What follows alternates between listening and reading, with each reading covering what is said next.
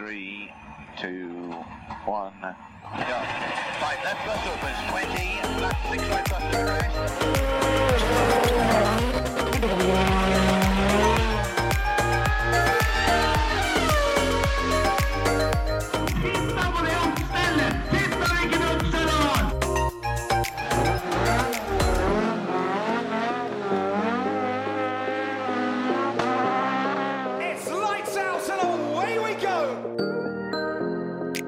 Velkommen til en ny episode. I dag er det jeg som sitter her, og du som sitter her. Det er korrekt. Det er to brødre Flåten, og dessverre bare oss, i hvert fall foreløpig. Eh, Emil eh, kunne ikke komme i dag. Emil måtte være hjemme i dag, dessverre. Ja, sånn er det noen ganger. Og det, det er derfor vi egentlig fant ut at vi skulle være tre til å begynne med. At, at det, det her skjer fra tid til annen. Ja, Men posten skal fram, og føremøtet skal ut. Så det er korrekt. Sånn blir det. Vi får besøk seinere, da. For um, om uh, ikke så altfor lenge så kommer Marit Strømøy. Og det gleder jeg meg skikkelig til. Det gleder jeg meg skikkelig til sjøl. Endelig en Formel 1-sjåfør Yes. hit til Undrumsdal. Og ikke bare det, men også noe, noen som har vært med i Fireserens middag. Og Fangene på fortet. Og Fangene på fortet. Og Melodi Grand Prix. Ja, det, hun har vært med på det meste. Og nå- Og Skavlan. Og det er jo klart at hun bygger bare på oppover, oppover, oppover. Og endelig da har liksom hatt Skavlan og den biten der. Og er det føremøte, da. Ja, det, det er litt sånn eh, Det har vi jo nevnt med et eh, par andre gjester òg, at de har vært med på mye rart før. Og alt har på en måte bygd seg stein på stein for å komme seg hit. Ja, ja, ja. Nils Wærstad var helt enig i at nå var han på toppen. Ja, det, det er litt sånn. Eh, Vi får eh, Vi får bare, bare ta det til oss. Ja, ja, ja. Det er eh, jeg, synes, jeg skjønner noe godt, jeg. Ja da, ja da, ja da. Det, det har sikkert vært gøy, alt det andre det, de har vært med på her. Ja da. Men Marit, hun, eh, hun, eh, hun representerer jo et, et skille i førermøtets karriere. Det må vi vel kunne si. For hun kjører jo ikke bil. Nei, det er første gjesten vi har som ikke kjører bil. Hun har lappen, da. Det har hun. Oh, ja, ja. Men når hun har på seg kjøredressen, så kjører hun båt. Ja, for det er kjøredress, eh, sekspunktseler, eh, spark og alt det vanlige. Gasspedal og ratt, alle sammen. Men verken asfalt eller grus eller snø. Bare vann og propell.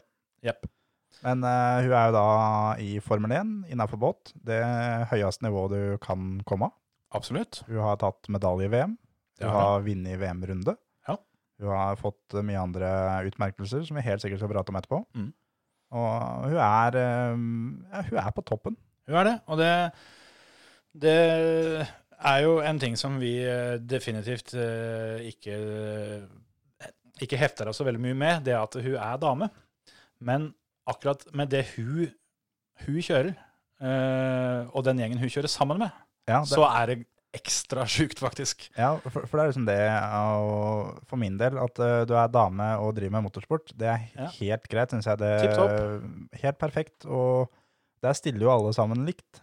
Uh, men det er jo som du sier, den gjengen hun kjører sammen med. Ja. Gjengen fra Dubai og nede der sånn, som ikke syns at damer skal ha lappen engang. Nede i Saudi-Arabia. Og, og, ja, jeg har prøvd å gjøre litt research, og da fant jeg fram noen historier hvor, eh, hvor hun fortalte det at eh, hun faktisk har blitt redigert ut av en del, eh, en del seiersbilder og sånn, hvor de bare, bare har holdt en svær pokal foran hun og sånn.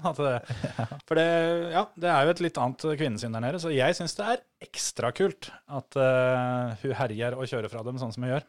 Og bare for å understreke hvor hvor sjukt nivå hun holder på med. da. Så når hun tok sin første pole position, og da hun vant sitt første løp eh, Det var vel i ja, 2015 vant det første løpet, og pole position kom i 2011. Ja. Og begge de to der sånn, det var første, første kvinne som fikk til det i en internasjonal toppklasse uansett motorsport. Ikke bare båtsport, men uansett motorsport. Det er eh, så sinnssykt. Det sier litt da om uh, hvilket nivå dette her er. Så Jeg, jeg vil jo nesten da si det sånn at hun er den raskeste dama i verden. På vann, ja. Ja, men, uh, Det er nok en og annen flypilot som kanskje ikke er helt enig med det. Men, ja, men eh, flyr du for SAS, så er du Nei, det, det går ikke innafor det, altså. Men uh, Det ble det samme sånn som jeg hørte de omtalte Sergio Perez som, som verdens raskeste unemployed man. Altså, jeg trodde først han mente Hulkenberg, da, men, men Perez er jo på en måte på oppstigelse. Men igjen tenkte jeg at det er sikkert en eller annen jagerpilot eh, der ute som tenker at eh, hei, hei, hei. Ja, men eh, jeg er enig med dem. Det Jeg er, skjønner hva de mener, da. Ja, men det er bare at du er kverulant på sånne ting. Det er helt riktig.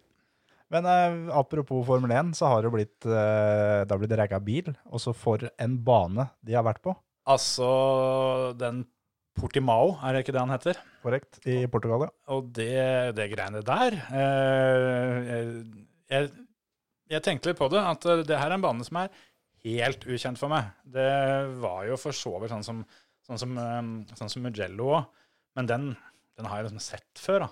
Ja, ja. Men det greiene her var jo Altså, det så jo Jeg vet ikke hvordan jeg skal forklare det, men det, det, det var så sjukt. da. Det var bakker og alt sammen. Og, og sånn som jeg har sagt før, da, at enkelte Formel 1-baner er så kjedelige fordi at uansett kameravinkel så ser det ut som de, eh, som de kjører med virtual safety car. Ja. Mens på den banen her sånn, så får et ordentlig inntrykk av at de kjører fort. Det var når jeg så første videoen som kom fra den banen her, som var en av de første treningene, så så noen av de kulene, tenkte jeg at det, her letter dem. Ja, jeg tenkte litt på det samme. Men at, eh, eh, de har jo så sjuk downforce at Ja. de gjør jo ikke det. Men, eh, men, Tanken strefa meg òg. men så er det også det at eh, hvis det da noen gang skulle vært en Formel 1-bane i Norge, så er det akkurat en sånn type bane vi i Norge må ha. Som er Ja, ja. opp og ned, fordi i Norge er det mye opp og ned med fjell og sånn. Vi har folk som fikser det, da, som kan lage det flatt. Jo, jo, men det er jo akkurat det at de ikke burde gjøre det. Sånn som de gokartbanene som vi har i Norge, som er opp og ned, Ja, blir jo da eh, kategorisert som at det, nå er du i Norge. Ja.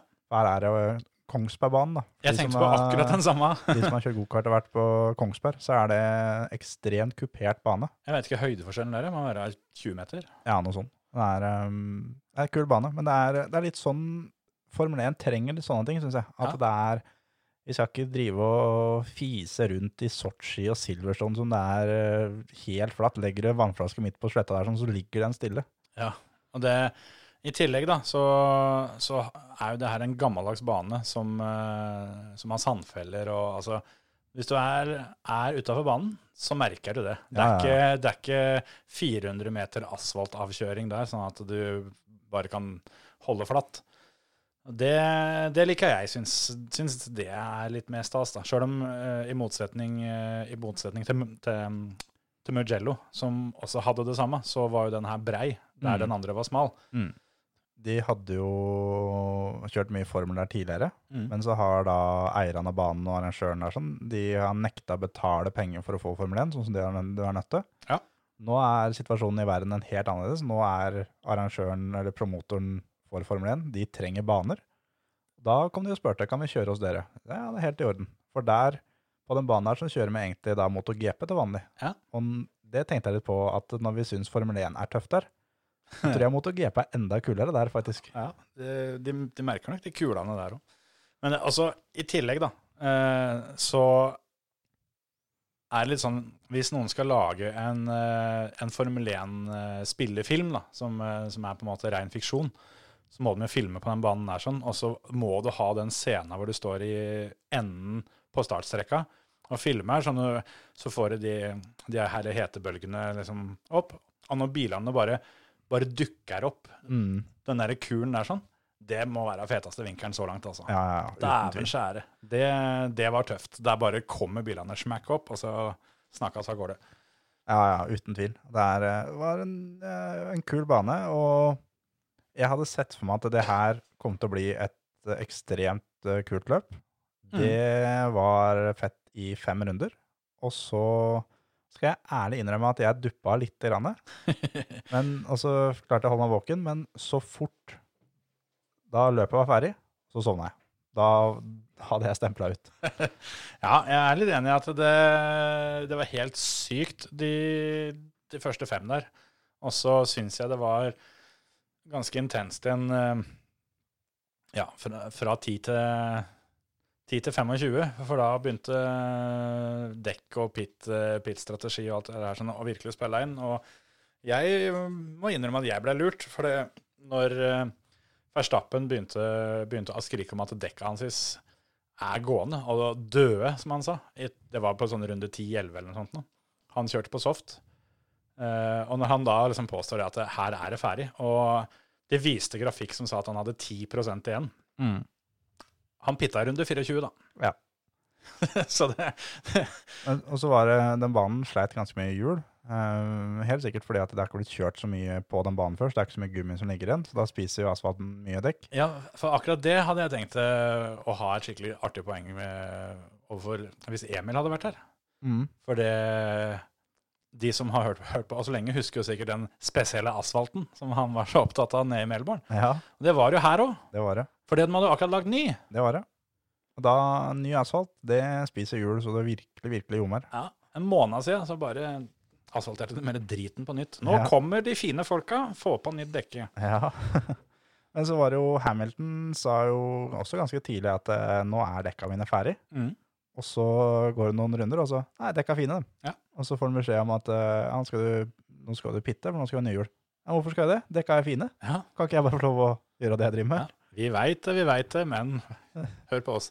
Og det er jo en sånn greie da, som, eh, som førerne kanskje burde lagt litt mer vekt på sjøl, for det er jo noe de helt sikkert veit. Men eh, at de skal stole på ingeniørene litt mer der, sånn, for det, det er et sånt felt der hvor, hvor dekka føles gående. Men så hvis du kjører deg litt gjennom det, så kommer du ned på et lag under som faktisk er bra igjen. Ja. Og da, da har du en god del å gå på. Og så var det mye av grunnen til at de føles dårlig ganske tidlig der i løpet her, at det regna jo de første rundene. Og Ja. Da får du ikke opp temperaturen i dekka. Da er dekka kun varme i toppen. Da er de ikke gjennomvarme. Eh, da sklir det fort, helt til du får varmen i midten av hjulet. Mm. Og du får fordelt varme rundt i hele dekket, og da blir det bra feste.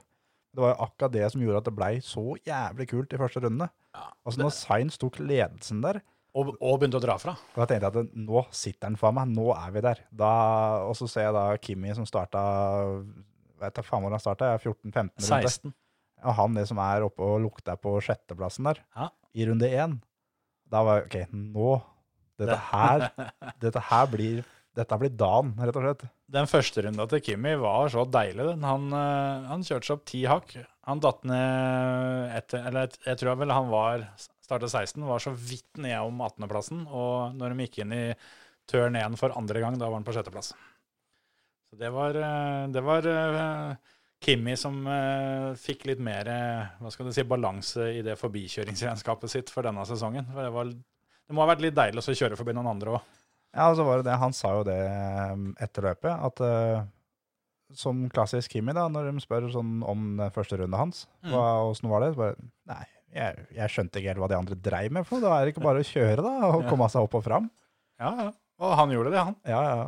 Og så var det en Science, fikk vel beskjed når han var nummer to, tror jeg, um, rett bak Bottas, som tok starten, om at uh, nå har det slutta å regne i pitlane. Det er i orden. Hold kjeft. Ja. Det, ja, for det, det var litt sært òg.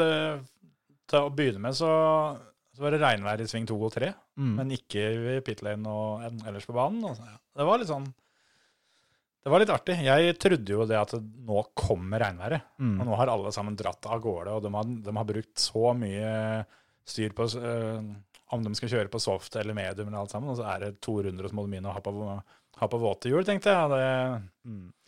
Det ble ikke noe av det, da. Nei, det, det var litt kjipt sånn for løpets del, at eh, når vi da kom til runde 5-6, så blei det jo tørt, og da reiser jo Mercedes ifra.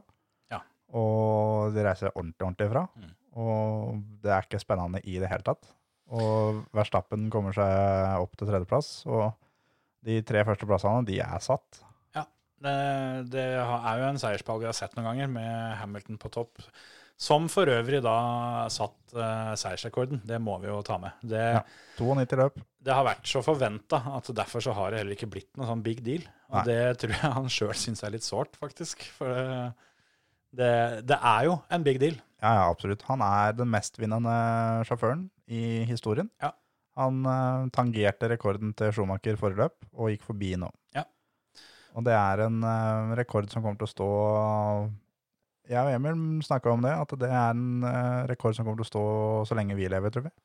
Det trodde folk når Schumacher eh, ga seg om, for å si det sånn. Og jeg eh, har sett på Formel 1 siden før Schumacher debuterte, så nå har vi sett uh, Nå hørtes du gammel ut. Ja, men jeg tror ikke du er så jævla langt unna, du heller. Jeg vet ikke tid han begynte. Han begynte før jeg tok meg bleiene, i hvert fall. Ja, for det Senna slutta jo i 91 når du ble født, og da, da var jo Schumacher på, på vei opp, da. Så han hadde, hadde kjørt noen få år før deg. Ja. Men så er jo du en liten drittunge i forhold til meg, så da. Så jeg har jo på en måte sett både nummer én og to, og så er det jo et hav ned til Fettel på tredje. De har jo da 92-91 seirer. her, Hamilton og Schumacher, og Fettel har 53. Ja. Så alle Det er jo Prost imellom der. Prost er nummer tre, tror jeg. Jeg tror Prost er fire og Senna fem. Men, Men. Whatever. Men uansett, da. Alle de som er på topp tre, har skjedd i, i min tid. Ja. Så det at det ikke skal komme en ny en i vår tid, det statistisk sett uh, blir litt feil å tro. Jeg, Men- tror, jeg tror Formel 1 er ferdig, jeg. Før det er noen som rekker å Det kan, det kan faktisk se. Men altså, jeg òg tror jo det, at det her er en, eh, en rekord som skal være Det er bare å drite i å ta det, liksom. For Hamilton han bikker 100, han bikker 110, sånn som vi så. Ja, Hvis han tar et år til nå, så Ja, det gjør han. så- Det er jo ikke noen grunn til at han skal slutte å vinne. Han kommer ikke til å gjøre det. For det er jo det nå at eh, blir han verdensmester i år, så tangerer han eh, rekorden til Schumacher der med sju. Sju ja, skal han ha nummer åtte. Da skal han ha nummer åtte. Da skal han ha den også. Og så kan han gi seg. Men Ja. da, i løpet av neste år, så kan jo han legge på 20 seirer til, han. Det kan fort skje. Så mm, Men en som aldri blir verdensmester, det er jo Lance Stroll. Nei, han blir ble aldri verdensmester. I hvert fall ikke dette greiene her. Det kan hende han finner noen alternative titler som eh, Ja, det er Nå holdt jeg på å gi en, en verdensmestertittel i sånne med svære nese og store sko, men eh, Ja. Nei, for det var liksom da allerede på treninga, eh, det var vel andre treninga, så klarer han å da få krasja med Max Verstappen Mm. i, i turn one. Og en sånn der eh, totalt ubrukelig manøver som man bare legger inn på Verstappen som er der. ja, ja. Det, det, er, eh, det er greit. Det- På en måte det er på en trening, det, ting kan skje, liksom.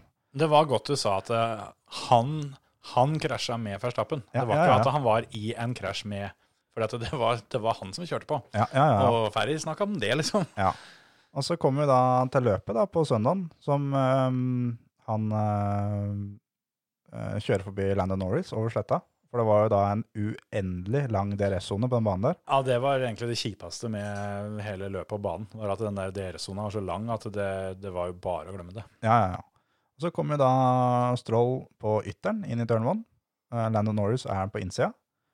Og Stroll gjør nøyaktig det samme som han gjorde mot Verstappen på treninga. Mm. vrenger inn. Og da gir han Lando valget, og enten så krasjer vi og jeg sjøl går ut, Mm. eller så trekker Lando seg. Og Lando velger jo ti av ti ganger at eh, Stroll skal gå ut. Og, og Lando klikka jo på, på teamradioen der at hva er det han driver med, liksom? Og Strål er sånn som alltid var. Nei, jeg så han ikke. Det er, Nei, det er, som, det- er litt eh, den derre OK, jeg har kjørt forbi deg. Da er sikkert du borte. Eller så har, er det sånn når jeg spiller Grand Turismo hjemme, at da er han blitt en ghost. Ja, ja, det er litt sånn som, eh, sånn som jeg holder på med hun som akkurat har fylt tre år. At eh, når hun holder for, holder for øya sine, så fins ikke jeg lenger. For da, kan, Mhm. da kan jeg ikke se meg. Eh, det- går ikke an å holde på sånn eh, Nei, nei, nei. når du kjører Formel 1. Altså. Det, sorry, sorry, Lance, men eh, det greiene der blir bare pinlig. Ja, det gjør det. Men det var nesten så jeg fikk rett med en tippe på hvor Hulkenberg skal ende opp. For det Lawrence Stroll, faren til Lance, han var jo ikke der pga. han har jo fått korona. Da var det nesten så Hulkenberg kunne steppe inn som teamsjef. Det hadde faen meg vært noe. Du tippa jo da safety car driver. Ja, Emil tippa løpsleder. Ja. Jeg tippa teamsjef. ja. Det du Vi kan vel gi deg den, at Ja. du, Jeg var nærmest. Det var i hvert fall eh, Det var i hvert fall ledig, der som du tippa. For Hulkenberg var der, det så jeg. Ja, det klok av skade, da, så har han i hvert fall begynt å, begynt å farte rundt med dette, dette sirkuset. For det, det blir litt stressende når du, når du våkner hjemme i, i, i hybelen på, på lørdagsmorgen og får beskjed om at du nå Nå begynner trening om en times tid. Ja. Har du mulighet? Nå, nå har vi, nå har vi nøra opp motoren og begynt å, begynt å kjøre den varm, for du skal ut på om 45. Tror du det er sånn når de da ringer fra, fra Racing Point, så bare tar telefonen, så Ja, det er Nico. Så, ja, hva driver du med da, da? Ja. Har du noen planer, eller? Ja, takk for sist. Åssen går det? Er, eh, kan hende skyte inn noen sånne kontrollspørsmål, da? Er formen fin? Avføringa bra? Alt, alt i orden? Ja, OK. Du, Nico, du har ikke vondt i halsen, du? Men, nei, jeg har ikke det. Nei, nei, men du skjønner det at det har noen andre gutter her. Har en mulighet til å kjøre litt. Ja. Kjøredressen passer enda, ja. Gjør det. Fint, fint. Ja. Du, du har, du har kjøredressen ennå, ikke sant? Den, mm. den henger ikke til tørk? Nei, greit. OK, alt i orden. Og eh, Nei, Jeg veit ikke hva du tenker, men hvis, hvis du har lyst, da, og skulle det passe seg sånn, liksom, så, så er det ledig her, da. Ja. Durt, durt, durt, durt. Nei, han eh, fikk uheldigvis ikke muligheten til å kjøre denne helga her. Men eh, jeg tror han sitter i en bil neste år. Jeg tror det, det man vi rett og slett prate mer om eh, etter hvert. For, for Hulkenberg føler jeg snart er moden for at vi skal prate litt mer om den. Ja.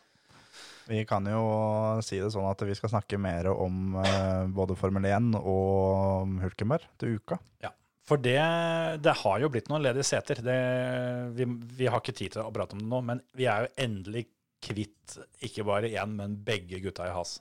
Det er vi. Det er Grosjean og Magnussen er, skal ikke kjøre for Has neste år. Nei, Det kan jo selvfølgelig hende de klarer å klore seg til noe annet, men uh, Grosjean tror vi vel vi slipper å se neste år nå. Ja, begge to har sagt at de ser på ting på utsida av Formel 1. Ja. Magnussen går til Indycar. Uh, Grosjean går vel sikkert til noe GT-greier. Formel E, kanskje. Ja. Av- Det har jo vært mitt tips. noe av den eh, delen der. Og det som også er gøy, er at Grosjean nå endelig har nådd den milepælen å få 100 000 likes på et bilde på Facebook. Men Ja. det, det kjipe for er at det bildet var det som han annonserte at eh, jeg er ferdig i Formel 1. Det var 100 000 som likte. Ja, ja det, det er jo på en måte to streker under svaret, det. Det absolutt. Så, nei, det er fint at de eh, Jeg hadde håpa at Grosjean skulle ut, men Magnussen skulle bli. Um, det hadde de forventa, og det sa begge førerne. at De visste at en av dem kom til å ryke. Mm. De regna ikke med begge to. Vi Men så, uh, Gunther sa jo det at uh, eh, begge må ut, for vi må ha inn noen som betaler for å kjøre. Så Det er, viser jo at de to førerne som skal kjøre for Has neste år, de har betalt seg dit. ja, da er jo jeg, Hadde jeg vært bookmaker, så hadde jeg ikke gitt jævlig mye odds på at Sergio Perez er den ene. Nei, det tror jeg at Perez er den ene, men han har også rykta til Williams. Og ta setet til Russell. ja. Men um, Jeg har sett noe om det, men George Russell har jo tross alt kontrakt, da. Selv om det behøver ikke være verdens største hindring, akkurat det. det hadde Men, eh, Perez òg, det. Ja, det er faen meg et godt poeng. Det tenkte jeg ikke over. Så, nei, det er nok um, Perez eh, sitter i en av de to bilene, for han tar jo med seg pengene inn. Jeg, jeg eh, ja, vi, Det her må vi nesten ta til uka. Men jeg tror det blir Perez, og så tror jeg, tror jeg Ferrari kjøper det andre setet og putter inn en junior. Det kan hende. Enten det, eller så er det en russer som kommer. Ja, det har det vært snakk om. Ja, ja. Samme det. Vi får, eh, vi får eh, gnu litt mer om det der til uka. For det, eh, apropos Portimao, som de har kjørt på nå, så tror jeg faktisk det er en fin overgang til hun Marit, som parkerte i gården akkurat nå. Så, for hun har vært der nede og kjørt før, og det, det har gått fort, akkurat som det gjorde nå. Jeg tror ikke hun fikk krampe sånn som Louis Hamilton fikk sju runder for mål, men vi får høre. Apropos det, Ja. det må jeg bare si før vi går over der. Det å kjøre en Formel 1-bil med krampe, har noen gang klart å fortsette med det du driver med når du har fått krampe? Ja, I vanlige Ja, dagligdagse ting, liksom? Hver gang, for det du driver med, er å ha krampe, og det fortsetter du med. Jo, jo, men si at du går ned en trapp, da.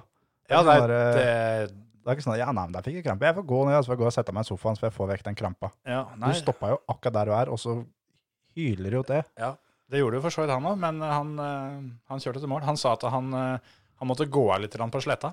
Ja. Men eh, ja, nei, det Det gikk unna, det der. Absolutt. Men eh, vi eh, tar en Marit. Du, én en ting først. Vi må jo ha en konkurranse. For det, for det Marit har lova at hun skal ta med seg en premie. Det skal hun. Det, jeg veit, jeg snakka med henne tidligere da. Eh, hun skal ha med seg en caps Ja. fra Strømøy Racing. Ja, hun har jo, egen teamcaps. ja, de har jo egen eh, kolleksjon omtrent. Jeg vet de har en del andre, andre, andre klær òg. Og stilig logo og alt sammen. Så dem, dem er kule. Absolutt. Da mm, er vi så heldige at vi får lov til å gi ut den capsen. Det skal vi gjøre. Og da må vi jo ha en konkurranse. Men jeg føler det at eh, for å vinne den premien her, for nå er litt kul, så må du like føremøtet på Facebook. Ja. Du må like sida til Marit Strømøy på Facebook. Den eh, linker vi til når vi legger ut episoden, tenker jeg. Ja. Sånn at du, du finner den der.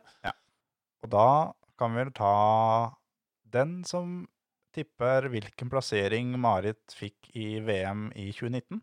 Sammenlagt. Sammenlagt, ja. Den øh, vinner. Blir det mange med samme svaret, så trekker vi det. Rett og slett. Blant de som liker Facebook-sida til føremøtet og Facebook-sida til Marit Strømøy. Så enkelt gjør vi det. Enkelt og greit. Det er, eh, kan hende svaret kommer i episoden. Ja, det, Hvis ikke, så må vi ta oss sammen. Ja, helt riktig. Ja, vi, vi gjør det sånn. Vi gjør det sånn. Det blir konkurransen. Og nå, nå får vi åpne døra for Marit. Du hører på Førermøtet, Norges beste motorsportpodkast. Da kan, eh, kan vi ønske velkommen eh, til deg, Marit Strømøy. Tusen takk. Hyggelig at du kunne komme. Dette er vi spente på, for å si det sånn. Ja, det er jeg òg. Ja, Endelig har vi en Formel 1-sjåfør ja, her i studio i lille Undrumsdal. ja det, det i seg sjøl er ganske heftig, altså. Det, det er ikke mange som kan skryte av det. Nei, i hvert fall ikke i Norge, verken på båt eller bil. Nei. Så det er jo litt gøy. Hvor lenge har du vært Formel 1? Er det sjåfør, eller er det pilot, eller kaptein, eller hva? Kan si hva som helst, egentlig. Vi pleier å si uh, fører, men ja. uh, det er veldig mange forskjellige uttrykk. Men jeg kjør, har kjørt båtrace i 32 år. Ja. Uh, og de siste 13 åra siden 2007, ja, Mm. i Formel 1. Eh, men jeg har da drevet med båtsport egentlig hele livet, fra jeg var bitte liten. Og så kjørte jeg mitt første løp i 1989. Mm. Og så ble bare, har båtene blitt eh, større, motorene blitt større, og så endte jeg da i Formel 1. Etter mye om og men, selvfølgelig, i Ja. eh, 2007. Ja, for det er vel ikke bare sånn at du, du kan ikke bare melde deg på og si at jeg skal kjøre Formel 1. Nei, det er, eh, det er eh, ganske mye mer enn det. Det er klart at eh, jeg eh, begynte som sagt i en liten klasse. eh, Alders eh, førstegangstrinnet i, i båtsport er jo 13 år. Mm. Eh, og det var en sånn uh, vedbåndsbåt med en 15 hester som gjorde ca. 40 knop. Og så kjørte jeg det i noen år, eh, og gikk over da til uh, katamaran uh, med en 40 hester som gikk ca. 70 knop. Og så gikk jeg over til Formel 2, som jeg kjørte i ti år før jeg begynte i Formel 1. Mm. Så, så det, er, det er klart at uh, som nordmann så tok det nok litt lengre tid enn hva det ville gjort for en araber. Eller en styrtrik italiener. Men, men det har litt med tradisjon å gjøre. Og litt uh, veldig mye med økonomi å gjøre. Men også det at det, det tar litt tid å være sportslig klar for Formel 1. Så jeg er veldig glad for at jeg venta ganske lenge, da. Mm. Um, men det er klart um, Nå eh, det, det, var, eh, det var ganske vanskelig å komme seg inn dit. Det var jo ikke sånn at eh, det, det var sånn at det plutselig egentlig åpna seg en sjanse. Men da hadde jeg jo jobba mot det i mange, mange år, selvfølgelig. Eh, og, og det var ikke sånn at eh, da jeg var 13 år, så tenkte jeg jeg skal begynne å kjøre Formel 1. Det var en utopi å tenke at man skulle komme så langt. Eh, I de første åra så var det egentlig bare for gøy. eh, og så ble det ganske raskt mye mer alvorlig. Eh, selv om det alltid har vært veldig veldig gøy. Men eh, jeg er nok et sånt uh, utprega konkurransemenneske som syns at uh, konkurranseformen da er, er eh, veldig morsom, i tillegg til um, selvfølgelig fart og spenning og adrenalin og sånt noe. Men uh, det, er, det, er, det er veldig mye konkurranse i konkurransen som, gjør, som trigger meg, da. Mm. Det var ikke sånn at, eh, sånn at, eh, at båtsport var noe du eh, bare tilfeldigvis gikk forbi en dag og oppdaga det. For det, det hadde du vært med på siden du var bitte lite pga. faren din, ikke sant? Ja, ja, faren min han kjørte på 60-, 70- og 80-tallet, og jeg var jo med han eh, hele Ja, egentlig fra jeg var eh, to år. Mm. Eh, og de siste åra av hans karriere på 90-tallet så, så hang jeg på som erter... Eller vi, vi hang sammen eh, overalt. Da kjørte han stort sett bare i Norge, da. Eh, og da det, eh, først så var jeg bare med, for jeg syntes det var gøy. Og jeg var litt sånn pappajente, og vi gjorde veldig mye sammen. Vi stod, kjørte ski og, og alt sånt noe om vinteren. Eh, og plutselig så syns Plutselig så var det litt bedre enn bare den der interessen av å henge i, i slipset til pappa. Det var liksom mer det å Og dette hadde vært gøy å holde på med og sånt noe. Og det har blitt meg fortalt at jeg var tre-fire år første gangen jeg satt i en motorbåt alene og liksom fikk beskjed at uh, du kan kjøre rundt den øya og tilbake. Og uh, faren min han var liksom en type som, som eh, Litt sånn original type som var veldig uredd, og som gjorde oss, både søsteren min og jeg, veldig uredde. Og så har jeg da en mor som er eh, hun er ikke redd, absolutt ikke, men hun er mye mer skeptisk og var sånn nei, nei. Men sammen så klarte de liksom å balansere det, som gjorde at vi fikk prøve veldig mye, da. Eh, og vi hadde en uh, hytte i Sandfjordsfjorden. Hvor vi uh, bada, sto på vannski, fiska, uh, surfa. Gjorde alt mulig som Det var sånn drøm som man bare har når man er liten, ikke sant. Eh, så skrittene ble, ble veldig naturlige, da. Eh, så var jeg liksom eh, eh, jeg, var, jeg var en av de få som Da jeg liksom våkna om morgenen, så gikk jeg ut på, på den hytta, da, så gikk jeg ut i båten. Vi hadde da en som alle andre rundt oss hadde en jolle med 9,9 hester, og min var jo da selvfølgelig litt mer trimma enn alle andres. Fordi faren min måtte jo, måtte jo sørge for at jeg hadde en rask 9,9 hester. Eh, og da kunne jeg kjøre dag ut og dag inn, bare fram og tilbake i fjorden, uten mål og mening. Og om det regna eller om det var fint vær, det spilte egentlig ingen rolle. Og så, og så, når jeg da fikk muligheten til å kjøre min første løp Det var jo heller ikke Det er også en morsom historie, fordi han skulle kjøre løp i Tvedestrand. Eh, dette var i 1989, uh, og han var der med to båter. En eh, Formel 3-katamaran, det var den han liksom konkurrerte med. Og så hadde han en, en eh, vedbåndsbåt med en sånn ti gjester, som, som så veldig kul ut. Det var avkappa Hurricane, hvis det sier dere noe. Eh, veldig sånn spesial, spesial. Og um, det var en sånn lite smykke som egentlig var bare en promotering for butikken hans. Han drev jo da båtbutikk i Sandfjord. Eh, og eh, den, den, dette løpet, da, det var sånn regatta, som er sånn at uh, startene bare går i løpet av dagen, og så skal man rundt en øy og tilbake. Så det er veldig sånn, det er ikke noe sånn båtrace, det er mer en regatta. Og så satt vi da dag, kvelden før eh, og liksom planla at han skulle ut med den og inn med den. Han skulle kjøre begge båtene, eh, og jeg var med. Han skulle skru av og på propellen, det var min jobb. Jeg var tolv år. Og så fant han ut da at eh, starten i den ene klassen gikk eh, før den andre båten, eller klassen hadde kommet i mål. Så han rakk ikke å kjøre begge båtene. Og da var jeg veldig sånn Vi hadde jo selvfølgelig prøvd dette her, eh, uten at moren min visste det. Men eh, da var det sånn at ja, men jeg kan, eh, jeg kan kjøre den, pappa. Det er ikke noe problem. Eh, og dette var i 1989. Det var ikke så viktig med lisenser og forsikring og sånt, noe, så vi tok et sånt eh, lynkurs på, på brygga i, Tøn i eh, Tvedestrand. Og så kjørte jeg over denne båten. Jeg fikk lånt meg en vest og en hjelm, og hjelmen var så stor så jeg måtte sitte og holde den. Uh, og det var som sagt det var liksom en regatta, men jeg syns jo det var fantastisk morsomt. Jeg husker jeg ble nummer tre og var dritstolt. Og siden det så var jeg hekta. Da Og var det kjørt, på en måte. Da var det faktisk kjørt. Og da eh, hadde jeg da blitt en racerbåtsjåfør, eh, til min mors store fortvilelse. For hva, hva var hennes reaksjon når dere kom hjem og du satt pokalen på bordet? Nei, vi turte vel egentlig ikke helt å si det med en gang, så det tok litt tid. Hun leste det faktisk i avisa, at jeg hadde kjørt uh, båtrace. Men, men eh, nei, altså hennes reaksjon, uh, misforstå meg rett, hun syns jo dette er fantastisk morsomt nå, men, men da hadde hun altså hatt uh, vært gift i x antall år og brukt tid, penger, eh, ferier og videre på den forbanna racerbåtsporten. og så hadde jo hun fått, eller de hadde fått to døtre, så tenkte jeg at nå er jo den, den epoken snart over. Dette ordner seg Ja. tenkte hun. Men uh, den gang ei.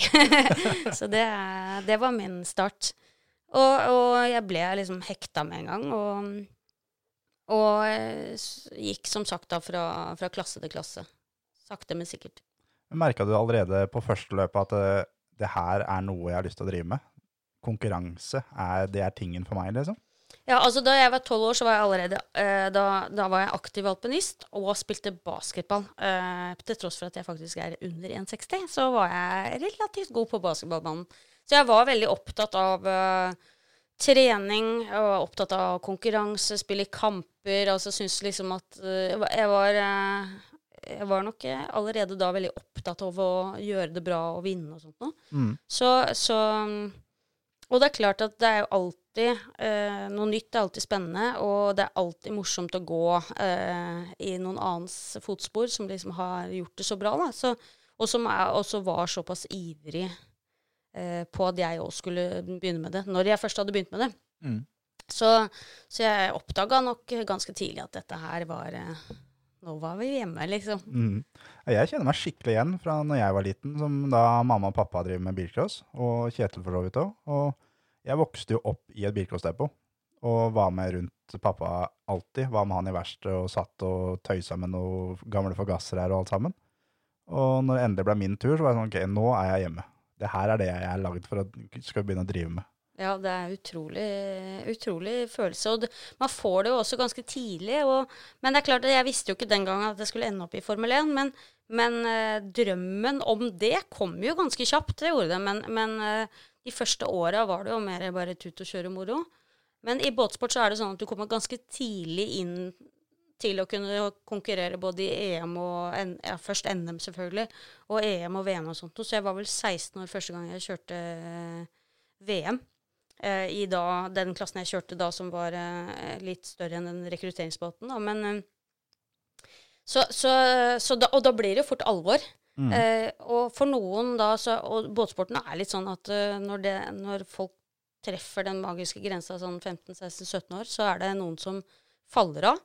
Og så er det noen som satser videre, og så er det noen som bare henger med for de syns det er gøy. Mm. Og det er jo viktig, det òg. Eh, det er kjempeviktig at de er med, de òg. At ikke alle skal liksom bli verdensmestere, for det hadde blitt veldig slitsomt. Men, men, eh, men alle konkurrerer sammen. Eh, og det er jo litt forskjell fra, fra bilsporten, da, som, hvor man da ganske kjapt liksom graderer folk i, i via klassesystemet, hva, hva, hvordan man konkurrerer. Mm. Vi gikk jo liksom rett opp på EM-VM-nivå, og så syns jo jeg det var utrolig gøy, så jeg fortsatte jo der. Mm.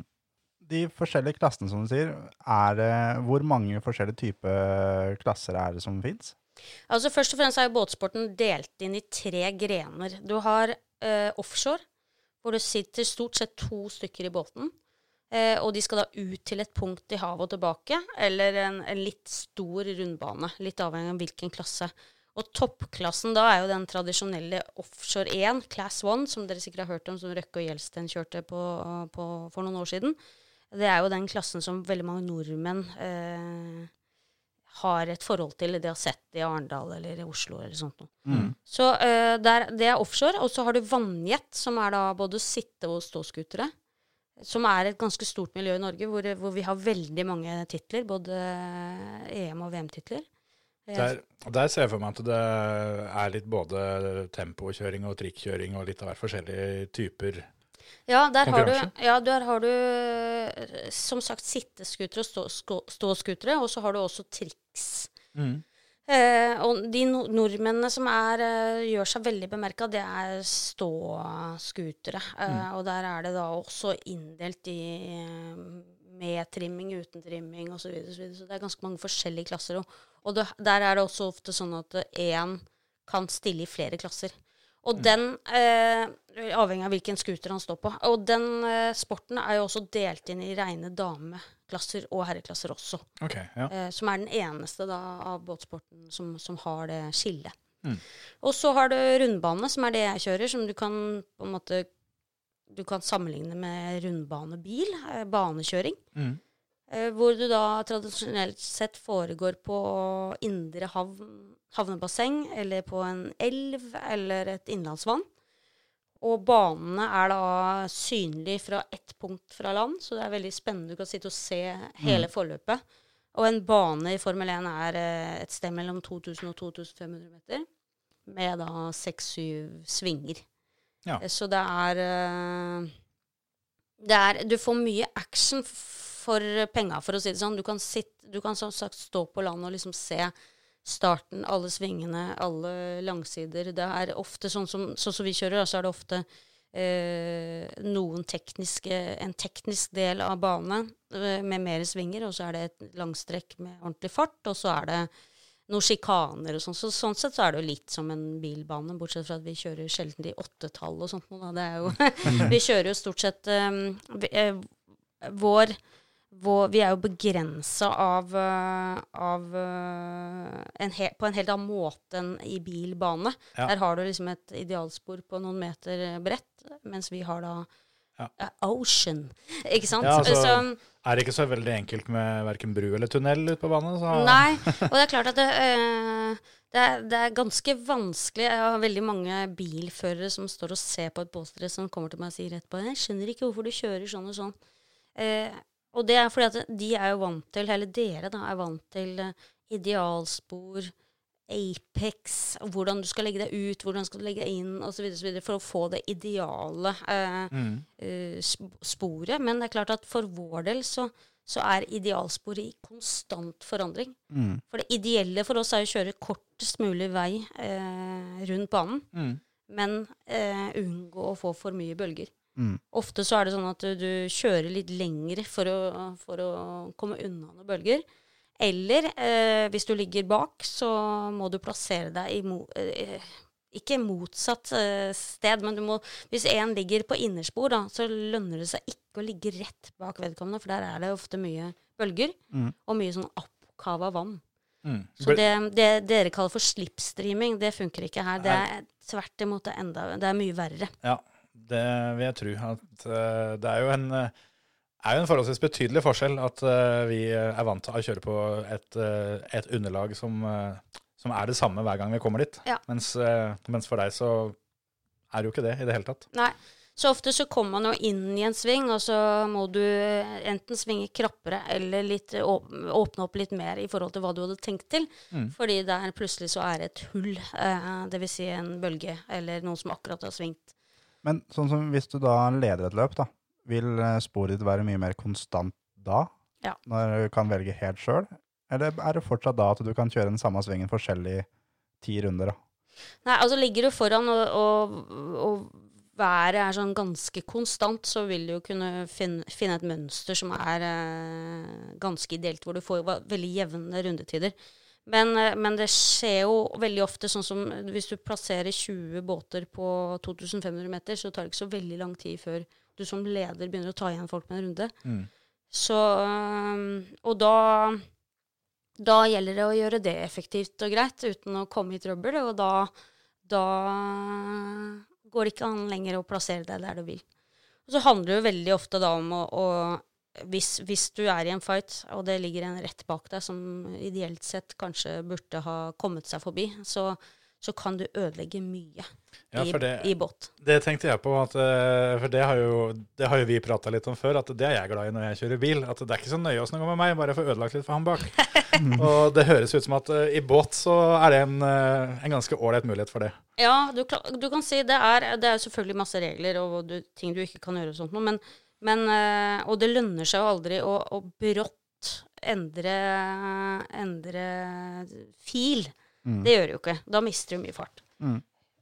Og, og, men det er klart at hvis du drar altså Hvis du har en på inneren av det, så, som du på en måte halvveis på langside inviterer til å fortsatt være der, og så kommer du inn til svingen, og så bare lukker du døra, så ødelegger du veldig mye. Da kan du ha ødelagt de neste tre rundene for vedkommende. Mm. Så, så det er mye sånt noe. Um, Det høres ut som at båtsport er en ting for deg, Kjetil. For det her er jo, det er jo akkurat det her du driver med på Ja, bane. det er det du digger. Det, er, det her er uh, uten tvil eh, noe, noe for meg. Så um, Det tok uh, 18 minutter før vi fant en ny sport til deg, faktisk. kanskje det er noe jeg er flink i òg. Det hadde vært gøy. Men uh, det oppsier folk må misforstås rett. Altså, det handler ikke bare om å ødelegge for andre. Det er ikke det. Nei, absolutt ikke. Det handler om å vinne løpet. Og noen ganger så må du kjøre litt dirty, og noen ganger så, så har du nok fart til å kjøre, kjøre ditt eget race, som det heter. Men, men eh, det, det, som, det som jeg tenker liksom sånn som, som virkelig kreves av en racerbåtkjører sånn i et Formel 1-2-nivå, da, det er eh, ekstrem rask reaksjon du, og, og evnen til å omstille hodet. For at eksempelvis i starten av Vi har jo ofte ja, si, si 400 meter opp til første bøye. Det ligger 20 båter side om side, og alle starter på likt. Det vil si at når rødlyset slokker, så er motorene av. Ja. Og så er det da å trykke på startknappen. Og det er jo ikke noe gir her, så det er jo rett fram eh, med en gang. Eh, og vi har da eh, muligheten til å trimme motoren opp og ned og ut og inn. Og så kommer du da inn til første sving og ligger da enten midt i haugen eller eh, foran eller et eller annet sånt. Og da kan du ha en plan at hvis jeg, hvis jeg kommer dit og den og den er der, så skal jeg gjøre sånn og sånn. Men uh, i eh, 99 av 100 tilfeller så vil aldri den planen uh, kunne la seg gjennomføre. For en eller annen rundt deg har uh, reagert annerledes enn du har forventa. Eller eh, det er en bølge, eller mer vind, eller båten har oppført seg litt Har akkurat landa fra et litt eh, hopp, eller et eller annet sånt noe. Så, så du må liksom hele tida omstille deg, og hele tida prøve å, å være effektiv og aggressiv. Eh, og så har du liksom Du har, du har våpenet i handa. Du, har, du vet at jo høyere du trimmer motoren ut, jo fortere går det, helt til det ikke går lenger. Mm. Så du skal liksom ha minst mulig båt i vannet. Mm. Mest mulig, minst mulig friksjon. Du skal kjøre mest mulig fly og minst mulig båt, egentlig. Ja. Ja. Mest mulig fly. Men så er det sånn at hvis det flyet går veldig høyt med nesa, så ligger du jo eh, veldig eh, risig til, da, for at eh, et, et vindkast kan eh, eller, eller en bølge kan slå deg rundt. Så du, du må reagere veldig kjapt. Og sånn som våre motorer, eller våre båter, da, som, som akselererer fra 0 til 100 km på ca. 2,5-3 sekunder, Det er såpass, ja. ja. Eh, og har da Du kommer inn i svinget kanskje 200-220 km i timen, og så trimmer du motoren inn, og da er det akkurat som du drar i håndbrekket Mm. på en bil. Eh, bortsett fra at det, den skrenser ikke, den bare svinger. Ja. Um, Ja, for der er det ikke mange biler som kan, eh, som kan stille opp på den der, eh, den der svingradiusen deres. Nei, og det er jo det som skiller liksom vedbåndsskroget fra en katamaran. da. Eh, en sånn rundbanekatamaran som vi har, er jo bygd for å kunne svinge veldig, veldig krapt. Mm. Eh, og det er jo det som er liksom, det er jo det mest spektakulære. Det å sitte inni den båten med lok, eh, luka lokka og kjøre i 200-230 km i timen er liksom ikke så Du venner deg fort til det. Men det å komme inn i sving og bare Mm. bare på en måte svinge, da. Du må sette opp båten for sving, dvs. Si du må trimme motoren inn og, og, og antyde hvilken vei du skal svinge, og så tar det bare tak. Så du, du vil ikke tro hvor godt tak det tar. Altså. Mm. Og så fort man da er i svingbuen, så, og, og båten har satt seg, så er det om å gjøre å trimme ut så fort som mulig, Ja. sånn at du akselererer ut av svingen. Hvis ikke så taper du altfor mye fart. For det her er da knapper som du har da på rattet? Ja. Det er, det er litt forskjellige stilarter her. Noen har eh, sånne Jeg har sånne rocket switcher på rattet. Så jeg har eh, tre stykker på et lite ratt som gjør akkurat det samme. Eh, I tilfelle jeg da har arm... Eller må, må plassere om rattet. Eh, og det da én til høyre, én til venstre og én til nesa? ja, ikke sant. ja, det hadde vært noe, det. Nei, det er også er det noen som har sånne paddleboards, eller paddle... Um, hva heter det? Paddle-knapper. um, hvor de ofte da har ut på rattet, og Nei, inn på rattet og ut på venstre bein. Ja. Og det er liksom Det er ganske mange, spesielt de nyere førerne, har ofte det. Eh, og jeg, det er veldig mange som har liksom utfordra meg til å ha det systemet. Men det er klart, jeg har, drevet, jeg har hatt mitt system siden eh, 1993. Så Ja. da Det blir sånn. Ja, sånn blir det. Ja. Det er ikke noe vits i å endre på noe som bare kalle meg gammal.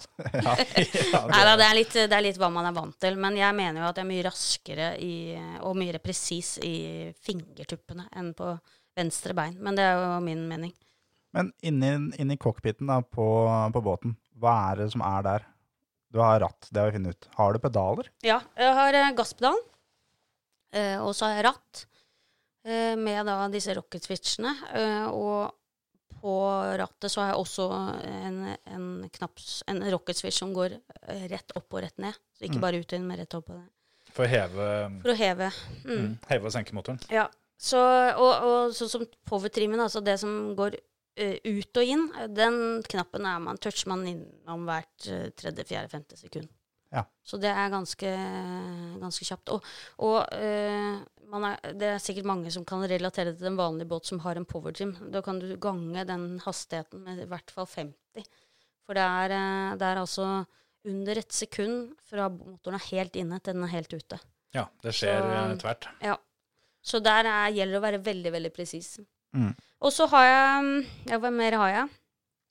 Jeg har Den båten Cockpiten er jo veldig liten, uh, så det er liksom Det er sånn du nesten firer deg ned i den. Vi sitter da med helhjelm og vest, flammesikker dress. Og vesten er da en Det er ikke en sånn eh, stor Helly Hansen som, som dere er vant til, eller en sånn pølsevest, men det er, det er en uh, karbon... Uh, Nei, kevlarsak som er liksom som en shorts, og så går du opp i en eh, trøye. Da. Så det er, du trer den på utsida av kjøredressen. Og så har vi eh, oksygen, Mm. i tilfelle det går rundt. Eh, Så har vi muligheten til å Noen kjører med da sånn uh, Tiger-maske som gjør, gjør at du har tilgangen hele tida. Og andre, sånn som jeg da, har, um, har et, et munnstykke som jeg kan nå og tre inn under hjelmen hvis jeg trenger det. Mm. Og den, eh, den Det skal holde i ca. et halvt minutt. Nå er det sånn at eh, når vi, eh, når vi går rundt på rundbane, så går det veldig få sekunder før noen kommer og redder deg ut hvis du trenger det. Eller kommer på plass og, og hjelper deg. Så jeg har fortsatt til gode å bli dratt ut av egen båt. Så det har jeg stort sett alltid klart sjøl. Mm. Og, og en sånn Og så sitter vi da i sekspunkt sele. Mm. Um, med nakke, sånn head and neck restraint-kravet, som ble påbudt for ikke veldig lenge siden. Um, ja, det, så er det egentlig ganske enkelt. Det er ikke så mye. Så har jo selvfølgelig datalogger og alt sånt noe, men det Så er det bøttestoler på en måte det samme som Ja. vi er vant til. Ja, bøttestoler. Så det, er- det, er, det, er, det er ganske ser ganske enkelt ut. Det er ikke noe, det er ikke noe sånn eh, Fiksfaks. fiksfaks og veldig komfortabelt, men, men, eh, men veldig lite og greit. Og det er sånn at jo mindre det er i cockpiten, jo lettere er det å skjønne hvor, hvilken vei du skal svømme ut, for å si det sånn. For dette, når du kommer opp opp-ned etter å ha gått opp og ned, opp og ned, opp og ned og rundt etter en krasj, så, så blir man øh, Og begynner å tumle rundt under vann inni den cockpiten, så er det nesten bedre at den er så liten som mulig. Hvor fort uh, fyller cockpiten seg opp uh, om det først ligger på hua? Her Nei, skjer det- det bare med en gang? Ja, det skjer ofte med en gang. Og det som, det som dessverre ofte skjer, da, og det som Det er jo et diskusjonsnivå hvorfor det skjer, men det som ofte skjer, er at luka enten åpner seg litt, eller åpner seg helt i rundveltet.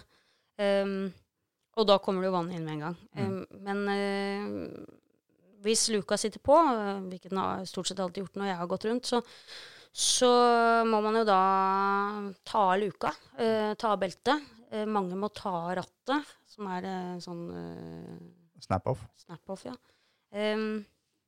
Fordi det er for trangt uh, for å komme ut. Mm.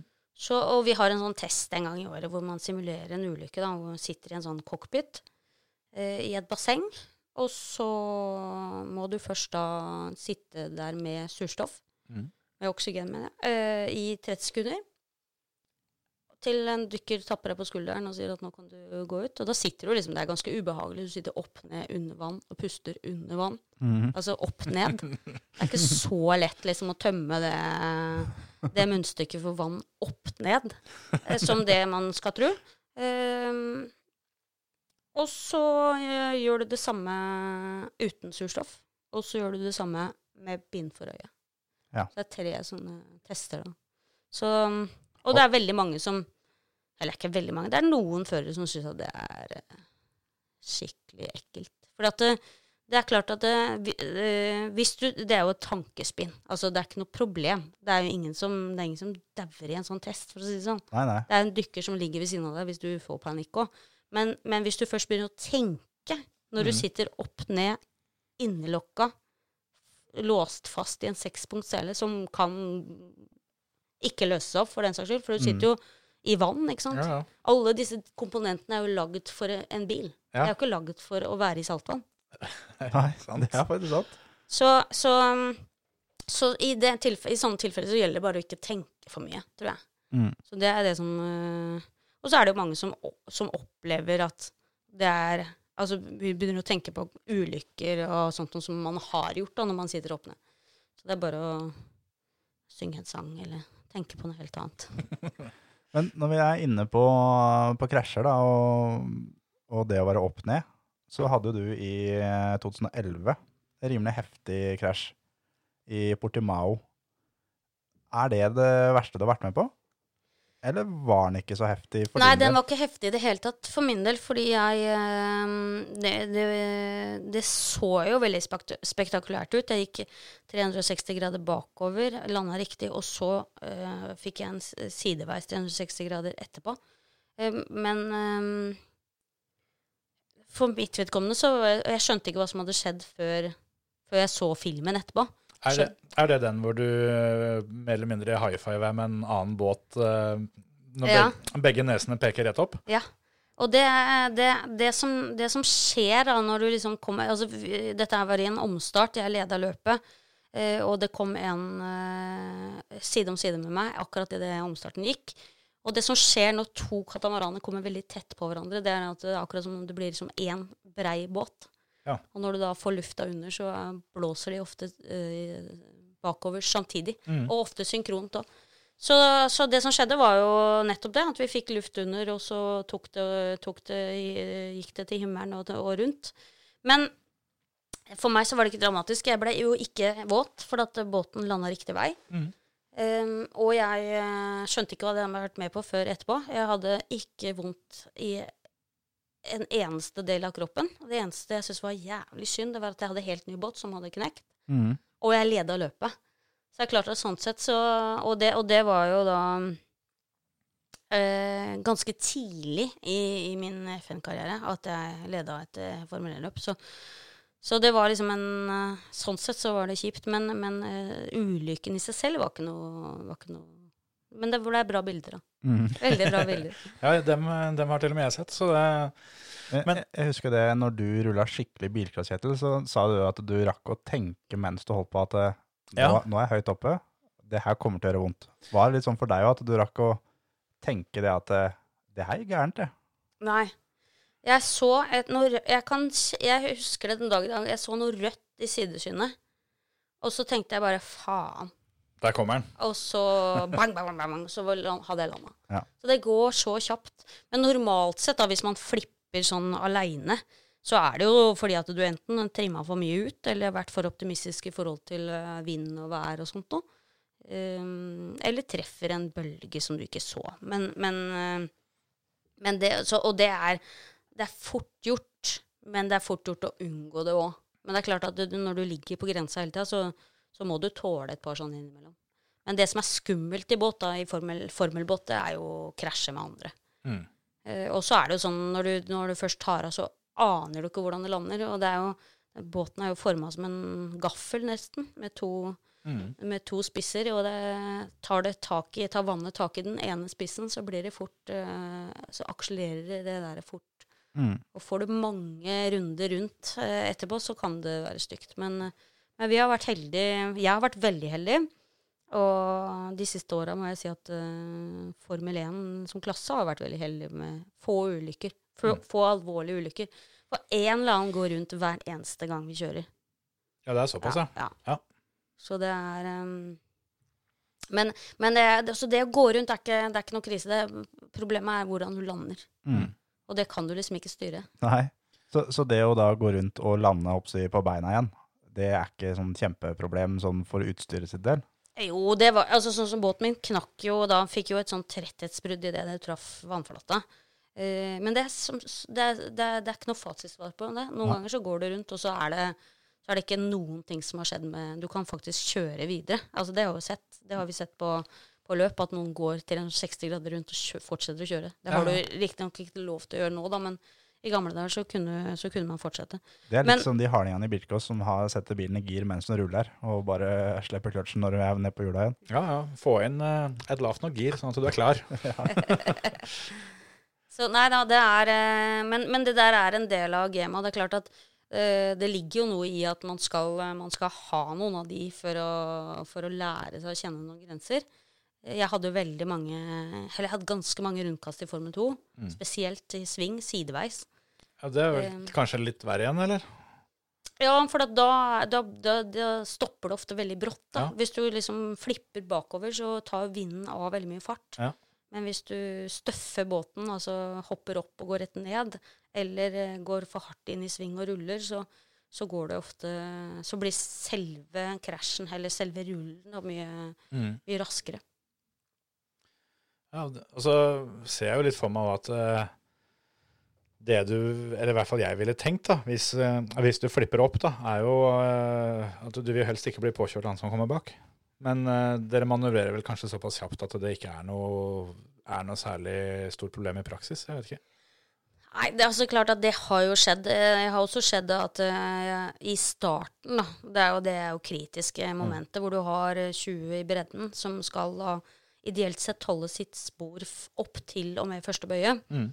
Eh, og så tar det da to båter av, liksom skal, skal du kjøre under de. Det har jeg faktisk gjort, og det er ikke spesielt behagelig, men, men det tar jo litt tid du er oppe i lufta da, før du lander. Ja, det Så- er jo en sånn beregningsprosess. Det der. Ja. Kommer jeg under han før han lander, eller hva? Nei, men noen ganger så har du liksom ikke noe vei å gå utenom. Men, men, eh, men det, det handler Det er som jeg sa, til, sa i stad, så det, det du må ha mest av, det er reaksjon. Mm.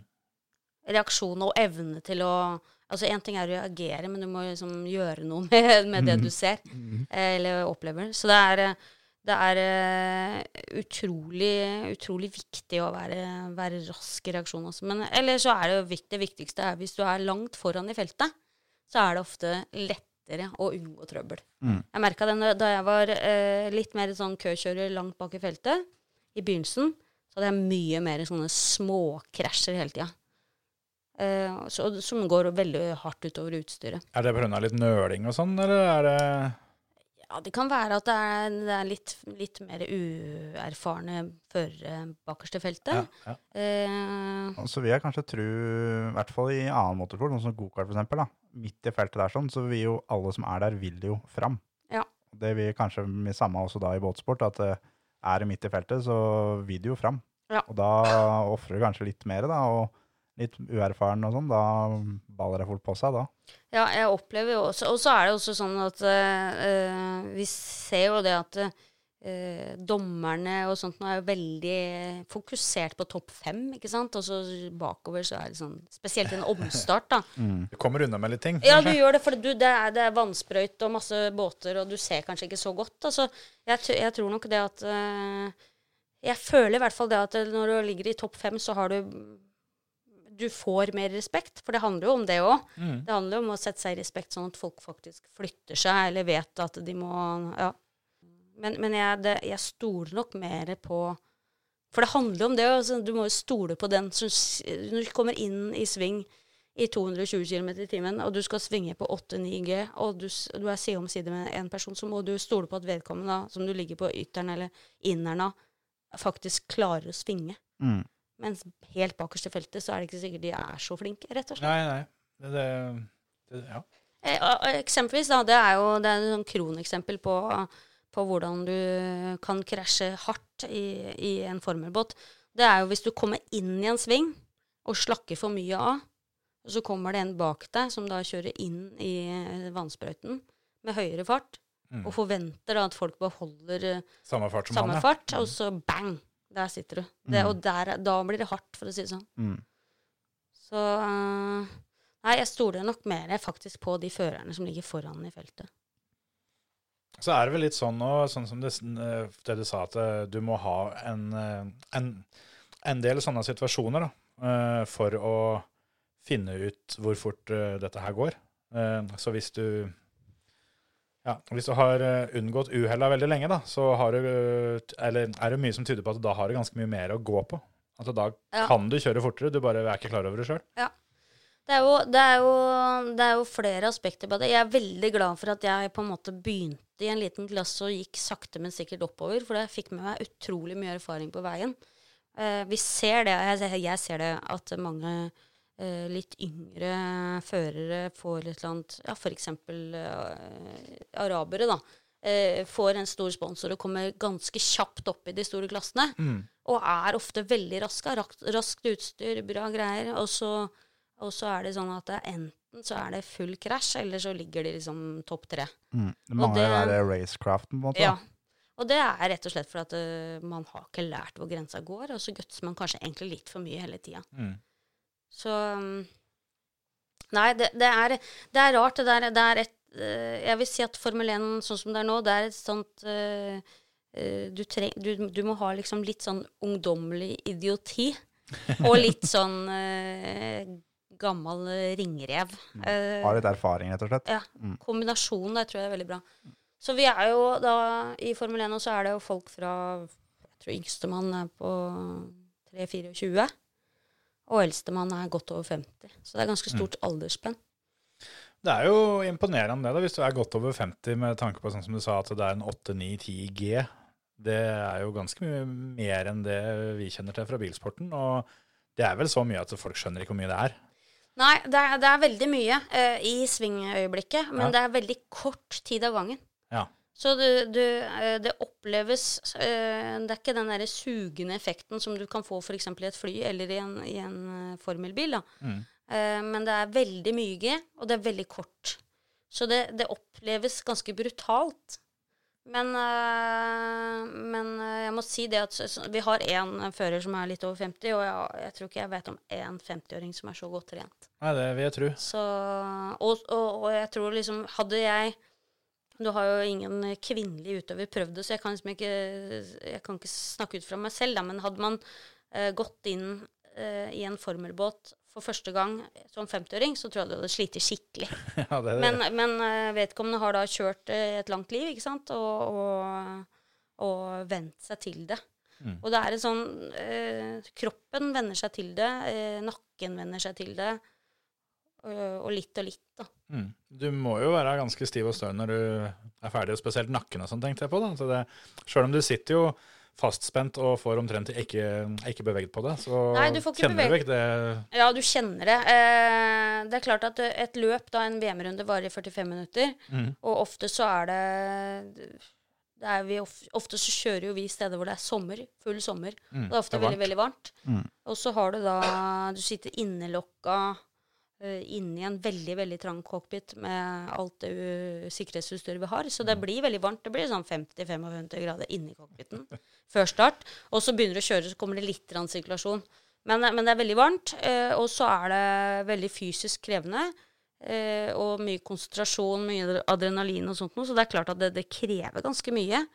Eh, og, men det det krever mest, det er liksom at det, det er brutalt. Det er liksom jeg kan liksom ikke, Det er ikke som en eh, andre idrettsgrener hvor du kan si at ja, for å være 100 meter sprinter, så må du være sterk i bein og bla, bla, bla. Det er liksom ikke så konkret. Du må bare være litt sånn eh, jevnt over eh, Du må rett og slett være gjennomtrent. Ja. Du, for det er det det høres ut som, at du må legge ned ufattelig mye tid på trening, den fysiske biten. Ja, jeg gjør det. Og det er klart at mye av det eh, handler jo også om at jeg må utjevne en forskjell på kvinne og mann her. Mm. Som er Jeg, kan si at, jeg, at forskjellen ikke er der, men det er klart at den er det. Det vet du jo. Eh, og det gjør jo at jeg eh, har lagt veldig mye tid på det.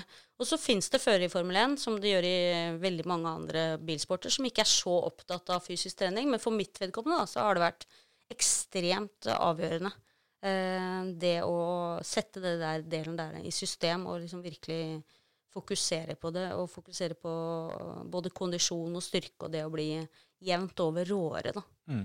Og det gjør jo noe med psyken òg. Når du vet at du har eh, et ekstra gir, så klarer du å holde ut litt ekstra.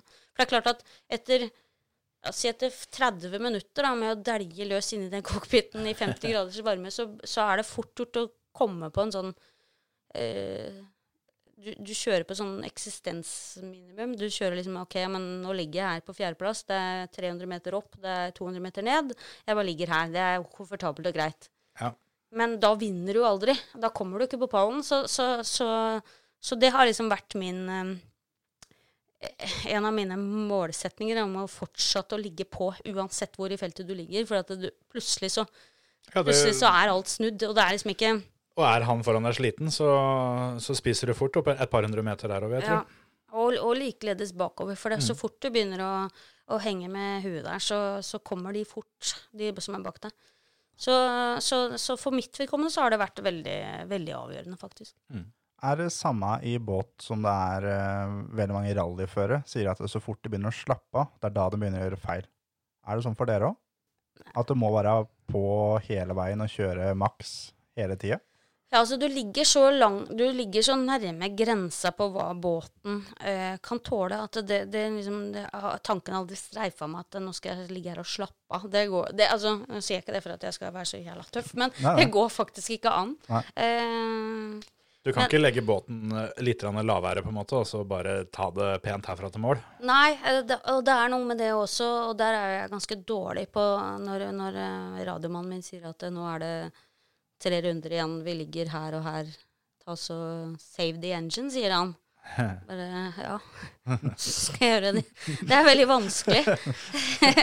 Jeg hører du sier det, men jeg skjønner ikke hvorfor du gjør det. Nei, øh, fordi det, og det kan jeg nok relatere det du snakka om å slappe av litt. For da, altså hvis du legger deg på en sånn 90 da, så er det fort gjort å øh, plutselig, som du sier, gjøre en feil, eller plutselig så er de 300 meterne spist opp. Mm. Så, så det, er, det er veldig vanskelig å Det er klart at det, det vi kan gjøre som, som uh, for, å, for å gi motoren litt mindre turtall, bare bitte litt mindre turtall, er å kjøre motoren litt lavere i vannet. Mm. Altså lifte ned litt. Da snakker vi en halv centimeter, så får den altså, Litt mer motstand, eller? Ja, eller hvis du, hvis du har 50 omdreininger mindre, så, så, så er det med på å save the engine, for å si det sånn. Mm.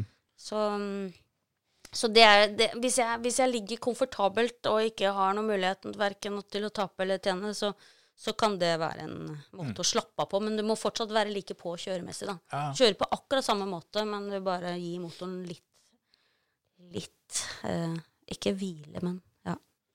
Men apropos motor, så det er vel ikke noen 9,9 hester lenger? Nei, det er det ikke. Det er en eh, totakter, faktisk. Ja. Vi er fortsatt på totaktsland. en en, og en 2,5 Lukta liter. totaktsolje er noe av det beste som fins. Ja, det er, eh, Ja, det er det er nice. Nei, det er en 2,5 liters merker i V6-er Ja. som eh, har ca. 400 hester. Ja, det ja, Jeg har jo ikke peiling, så det her er jo i rein gjetning, men jeg vil tippe det er omtrent eh, hva båten veier. 400 kilo eller noe sånt? Ja, det er ikke så, 400-500 veldig langt, kilo? det er ikke så veldig langt. Det skal veie 550 kilo med meg i når vi kommer i land. Ja. Ja, OK.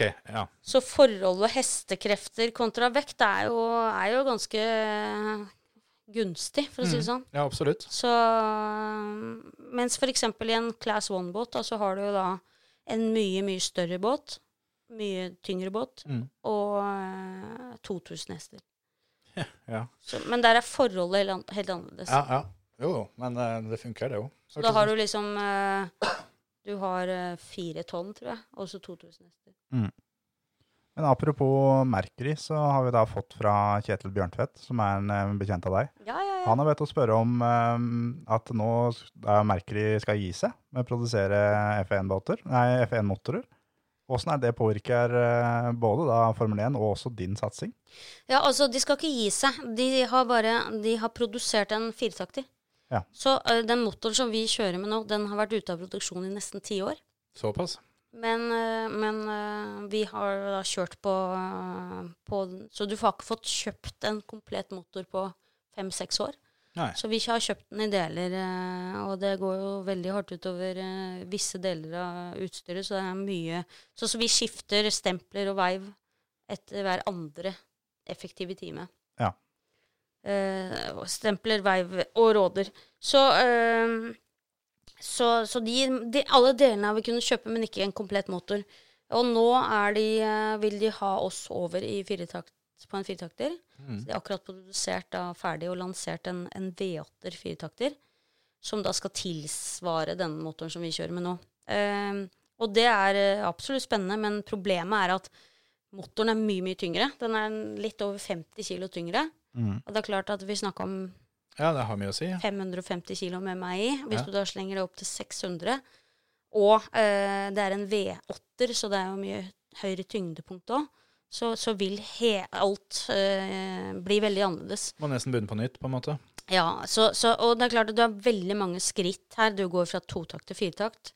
Eh, og som vi snakka om i stad, dette er jo ikke by... altså, Ok, motoren er bygd for vann, det er ikke det jeg mener. Den er ikke bygd for å bli våt. Nei. Eh, og det blir jo vi stadig vekk. Ja. Og det er klart at når vi går rundt med, en, med, med den motoren vi pleier å kjøre med, så, så er det ganske enkelt å overhale. overholde. Og det skal ikke så lang tid før vi er tilbake igjen på banen med samme motoren. Mm. Eller så har vi enkelt en reservemotor. Mens her så må du da starte på nytt. Du har en mye dyrere motor som er mye mer komplisert, mye vanskeligere å overholde. Mm. Veldig mange komponenter som ikke tåler eh, å bli klissvåte. I hvert fall ikke saltvann. Og så har du da egentlig en eh, båt som er altfor liten i forhold til motoren. Ja. Så vi må da sannsynligvis eh, gå opp både bredde og lengde. Og da kommer et nytt problem. Det er at hele den serien går ut på at vi kjører eh, Vi har en 40 fots container. Hvor det er Hvert team har to båter i en 40 fots container.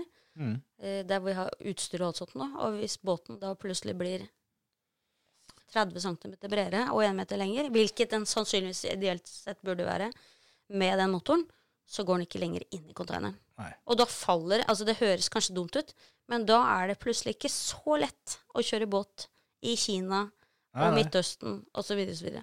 så det er jo, som dere hører, veldig stor motstand. eh, Både fra teamene og egentlig fra, fra, fra promotor. Eh, Men samtidig så kan man jo ikke fornekte at eh, tida går videre. Og Mm. vi må liksom over på noe nytt, da, Ja. vi også. Men, eh, og nå kommer jo da koronasituasjonen i tillegg, som gjør at veldig mange team har da eh, mye dårligere økonomi, mye vanskeligere for å, for å ta det skrittet. Mm. Så eh, vi har vel i realiteten da gått Blitt enige om å, å forlenge eh, den overgangen et par år. Ja. Og, og, og da som, som en av de privateide teamene, førerne, så, så har jeg ikke muligheten til å være den som står på øverst på barrikaden og finner ut av hvor lang den båten skal være, og bygger tre-fire stykker for å, for å liksom finne ut av det rette forholdet. Men, så jeg må konsentrere meg på å være raskest mulig i neste løp. Og neste løp jeg skal gjøre, er om det da er eh, i mars eller februar eller mai neste år, det vet jeg at blir med den motoren vi kjører nå. Ja. Og det er det jeg konser på. Mm. Eh, og så får vi da liksom selvfølgelig henge med på hva som skjer. Og er i pro prosessen og, og, og snakker med både produsent og, og de andre teamene og sånt noe. Men, men konser om det vi har nå. Mm. Så um, jeg har to nye motorer i, i garasjen. Eh, blokker, da. Som eh, skulle vært kjørt med i år. Som eh, står og godgjør seg til neste, neste sesong. Så nei da, så vi, vi, vi selv, om, selv om dette her eh, det er litt sånn spøkelse som kommer nærmere og nærmere, så vet vi det at eh, den, den, den overgangen er ikke gjort på 1, 2, 3. Som du sier, det er et lite team fra Norge. Eh, Åssen er budsjettet ditt kontra de du konkurrerer mot? Altså det, er, det er forskjellige nivåer der. Det er klart at uh, du har de største teamene. Det er jo da team, eller det, det største teamet er Team Abu Dhabi, som er da statseid og statsstøtta av eh, staten Abu Dhabi. Eh, som, De går ikke tom for penger med en gang. Nei, de gjør ikke det, altså. Det blir litt som at uh, du skulle hatt hele oljefondet, og fortsatt hadde dem hatt mye mer. Ja, jeg tror nok det norske oljefondet hadde vært greit. Altså. Det, jeg hadde klart meg fint på det. Neida. Altså, eh, det er jo som, eh, som dere sikkert skjønner, at de har liksom ikke noe spesielt budsjett. De har ikke noe, de har ikke noe rammer som de må holde seg innenfor. Eh, Samtidig så Gudskjelov, da, så er det ikke sånn at eh, du kan forske på mye, og du kan bygge nye båter og så videre, og så videre, men du trenger jo altså eh, Ettersom vi nå da kjører med motor som er eh, 25 år gammel, egentlig, i, i, i, i eh, utvikling, så er det sånn at det er ikke sånn at eh, Team Abu Dhabi i morgen finner ut at ja, nå skal vi jaggu meg gjøre sånn og sånn, for alt har vært prøvd med den motoren. Og det er jo også eh, enda en grunn til at vi frykter denne nye firetakteren.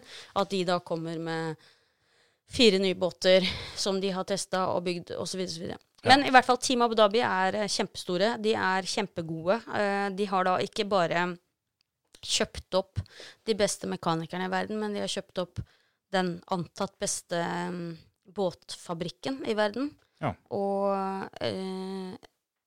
én ekstremt god sjåfør som er to ganger verdensmester, som jeg respekterer veldig, veldig mye. Han er eh, fra USA. Og så har de en lokal araber som også gjør det veldig bra. Det var han amerikaneren, det var han som var involvert Kjørte i inn i meg, ja. Ja, Ja, ja. stemmer det. Stemmer det.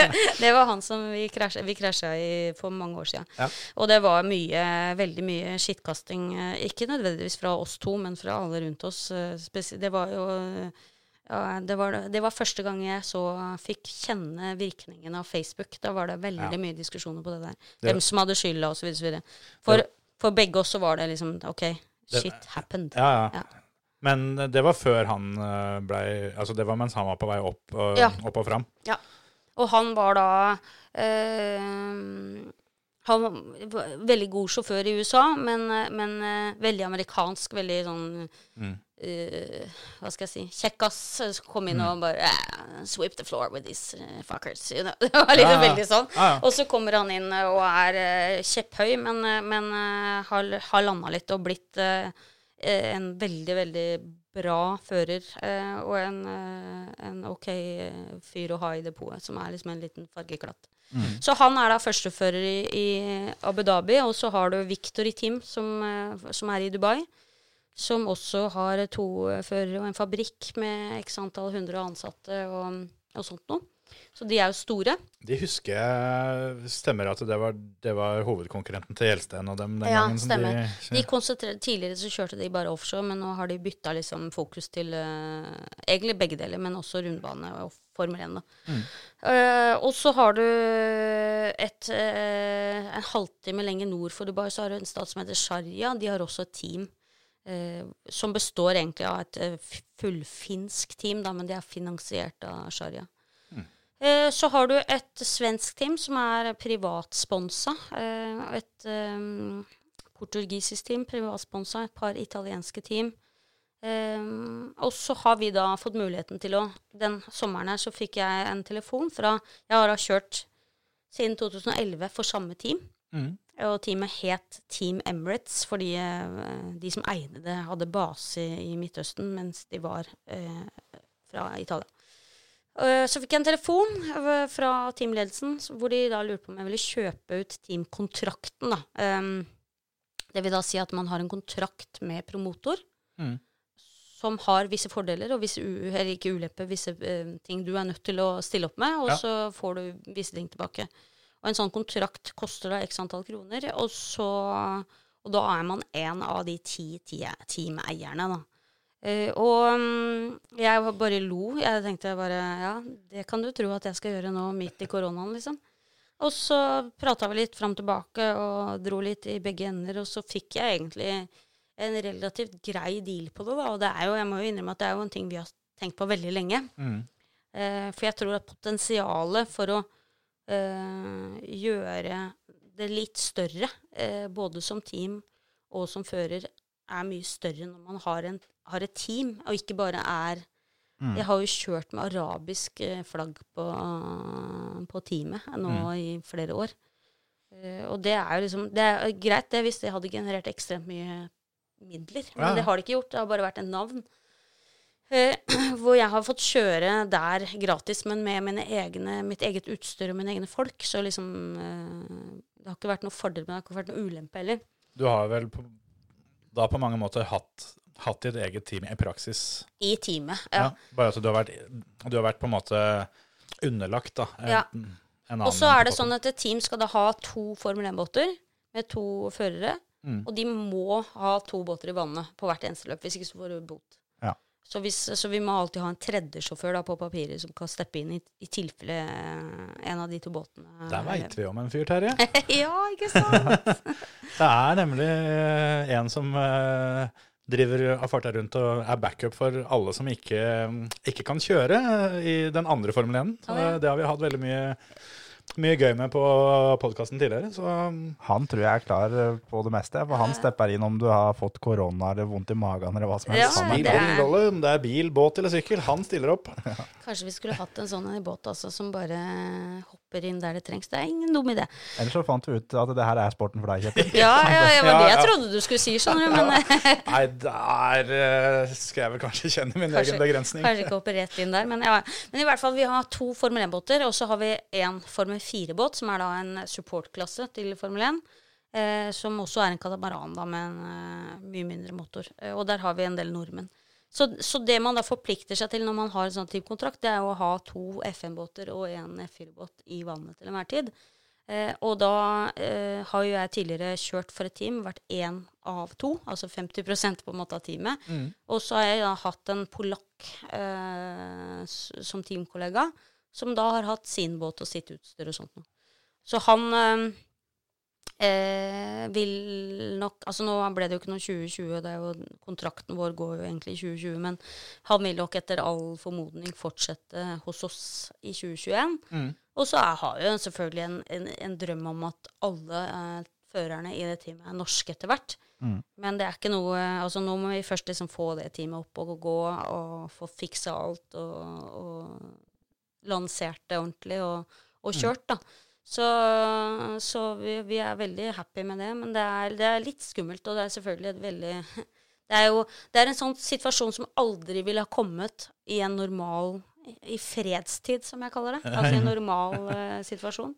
Så ville verken telefonen eller eh, ønsket om å bli enig vært der. Men nå var det noen som trengte litt, litt, litt penger veldig kjapt, og da, da åpna det seg en mulighet. Så det, mm, det er kjempespennende. Jeg, det første jeg gjorde, var da å kontakte min største sponsor. eh, Og lurte på liksom, hva syns du om dette. Og så har vi vel egentlig eh, sammen med de største sponsorene funnet ut at dette må vi få til på en eller annen måte. Men jeg kan ikke si på, med hånda på hjertet at jeg i dag har liksom løsninger på det. Men jeg har sikra meg kontrakten, jeg har eh, lagt håndpengene inn, og, og det er klart. Og så er det sånn at så fort vi begynner å kjøre, så ruller det litt tilbake. Så eh, det dummeste, det, det kjipeste for oss nå er å ikke kjøre båt. Så vi håper å komme i gang eh, ganske kjapt ut på nyåret. Mm. Men du har jo, utover hva jeg har sett på kjøredressen din, så har du jo veldig mye norske sponsorer. Og veldig mye lokale sponsorer. Ja. Åssen er det du går fram for å få en sponsor? For det, å, for det har vi hørt fra flere tidligere gjester, at det å få en norsk sponsor, det er vanskelig. Og særlig av noe størrelse. Ja, det er klart at det, jeg har jo da holdt på med sponsorer i mange, mange, mange år. Og det er, eh, det er ikke noe fasitsvar på det, og det er ofte sånn at du Ofte så er det tilfeldig at du møter noen, eller du treffer noen på et sted, eller plutselig snakker Altså noen åpner en dør som du ikke trodde var der. Men, eh, men det gjelder jo på en måte å hele tida være på, men ikke for på. Og så gjelder det jo hele tida å tenke muligheter. Fordi jeg tror at den tiden hvor man liksom satt og enten venta på at noen skulle komme og si 'her har du x antall kroner, vær så god, ut og kjør', den, den, det kommer jo ikke. Eh, det er veldig sjeldent, i hvert fall. Eh, og så må man finne ut hva kan jeg som sponsorobjekt tilby. For er, eh, vi, vi er ofte sånn at vi er veldig opptatt av hva vi driver med, og syns at det er tøft og, og alt sånt noe. Men, men eh, du, må, du må kunne forklare for en sponsor eller forklare for en gruppe da, hvorfor de skal putte penger på deg, for det er jo det de gjør. Eh, og da må du på en måte definere hva er du, hva vil du, hvorfor, du, hvorfor skal jeg sponse deg og ikke sidemann? Eh, hvorfor skal jeg sponse deg som ble nummer to, når jeg kan sponse han som ble nummer én, osv. Så, videre, så, videre. så det, liksom, det handler jo veldig mye om å definere en, en slags Finne en X-faktor, da, for folk liker jo det. ikke sant? Folk liker folk med X-faktor. Eh, og den kan, eh, altså Min obvious X-faktor er jo at jeg er eneste kvinnelige føreren i Formel 1. Det er, jo, det er jo den første. Men så kan du ikke overleve på det. Jeg hadde ikke kjørt båtrace i over 30 år hvis jeg bare hadde brukt det kortet. For til syvende og sist så er du nødt til å levere noen resultater. Det er liksom, Hvis ikke så blir det bare teit. Ja, ja. Kjempeteit. Det blir teitere enn noe annet. så, så man er liksom nødt til å finne ut hva er det jeg har, eller hva kan jeg tilby som gjør at noen skal bruke x antall tusen. Og, og, og det er jo veldig ofte også det at man sier at OK, dette er inngangssummen, dette er det vi kan bruke i år, så er det kanskje langt mindre enn det du hadde forventa, eller langt mindre enn de får tilbake, eller krever mer enn det du egentlig er villig til å gi dem, men i, i tid, da. Men, men så er det sånn at en, en som går inn på et lavt nivå ett år, kan være din største sponsor noen år etterpå. Så det er liksom viktig å, viktig å sette en pris, ja, men så er det viktig å være fleksibel. Og jeg gjør så mye rart for mine sponsorer. Altså, ikke sånn rart, men jeg gjør så mye ting som egentlig er helt på siden. men som gjør at de syns det er kult. Ja. De, de, syns, de ser at jeg er villig til å ofre mye for det. De ser at jeg er villig til å liksom spise litt eh, grus, for å si det sånn, for å, for å få det til. Mm. Og det tror jeg folk setter pris på. Men jeg tror det er veldig viktig liksom å ikke bli høy på seg selv og tenke at ja, men nå er jeg eh, For det, spesielt i bilsporten er så mange klasser. Mm. Det er så mange kategorier og klasser og ditt og datt, og folk som er flinke. Mm. Ja, Du har jo vært konferansier på Bilsportsgallaen og lest opp alle de klassene. Ja, det er også eh, Forrige gang det var 120 Q-karts, altså eh, forskjellige temaer, da. Eh, Folk som kom opp på scenen. Så det er klart at hvis du skal skille Og der er det ja, si det er 300 mennesker som kommer opp på scenen og mottar en medalje på den bilsportgallaen. Mm. Og alle de 300 mener jo selvfølgelig, og det skal de mene òg, at de er fortjent en sponsor, om den er stor eller liten. Mm. Men som sponsor så, så, må du, så, så må du på en måte finne ut Hvorfor skal de sponse meg, og ikke han som står ved siden av meg? Mm. Hva er det jeg kan gjøre? Hva kan jeg tilføye? Og hvorfor Og så gjelder det også når man da leter etter sponsorer. Altså, jeg, jeg, jeg, jeg, sier ikke ta, ta i hva som helst, for det gjør jeg ikke. Det er visse ting jeg ikke altså, Våpen og porno, det tar jeg ikke, liksom. Alt annet. Nei da. Men det er sånn, noen sånne ting må man liksom Ja, ja. definere for seg selv, da. Men, Ja. men, eh, og, der, og der er det sånn at eh, det er jo du selv som setter grensene. Men det er klart at eh, når man har da et, en pool av sponsorer, et gruppe av sponsorer, så skal det være en viss synergi og en viss likhet der òg. Mm. Litt dynamikk der, sånn at du ikke har hovedkonkurrenten til den ene, og at dem også faktisk kan uh, gå overens, da. Ja. Og første, første tingen som man uh, må unngå, er jo liksom å ha Pepsi og Cola i samme ja. det er, Men det er ikke så lett. Så som vi har da, vi har jo da en kjempegodt eh, av, avtale med, med en bilsponsor, ikke sant. Mm. Og samtidig så kjører vi rundt en kassebil fra et, annet, fra et annet merke. Så det er klart at visse sånne konflikter vil du alltid komme, komme. Men da er det viktig med kommunikasjon. ikke sant? Si at ja. nå er eh, Jeg er veldig takknemlig, bla, bla, bla, men jeg må gjøre det. Mm. Og da vil du sannsynligvis alltid eh, bli forstått, da. Men du må jo kommunisere det. Men jeg tror som sagt at det, det viktigste for å skaffe en sponsor, det er å finne ut hvorfor. Mm. Hvorfor skal de sponse meg? Men en ting der som, eh, som kanskje ikke er like attraktivt for sponsorene her hjemme, men denne sporten din er jo kjempesvær og en kjempestor TV-sport, men kanskje ikke så veldig stor her til lands, hvis jeg har forstått det riktig? Ja, ehm, nå var du snill som sa at sporten min er kjempestor. Den er ikke kjempestor. Eh, den er stor i visse, visse steder, på visse, i visse kretser. Ok, Eh, Litt sånn langrenn, på en måte?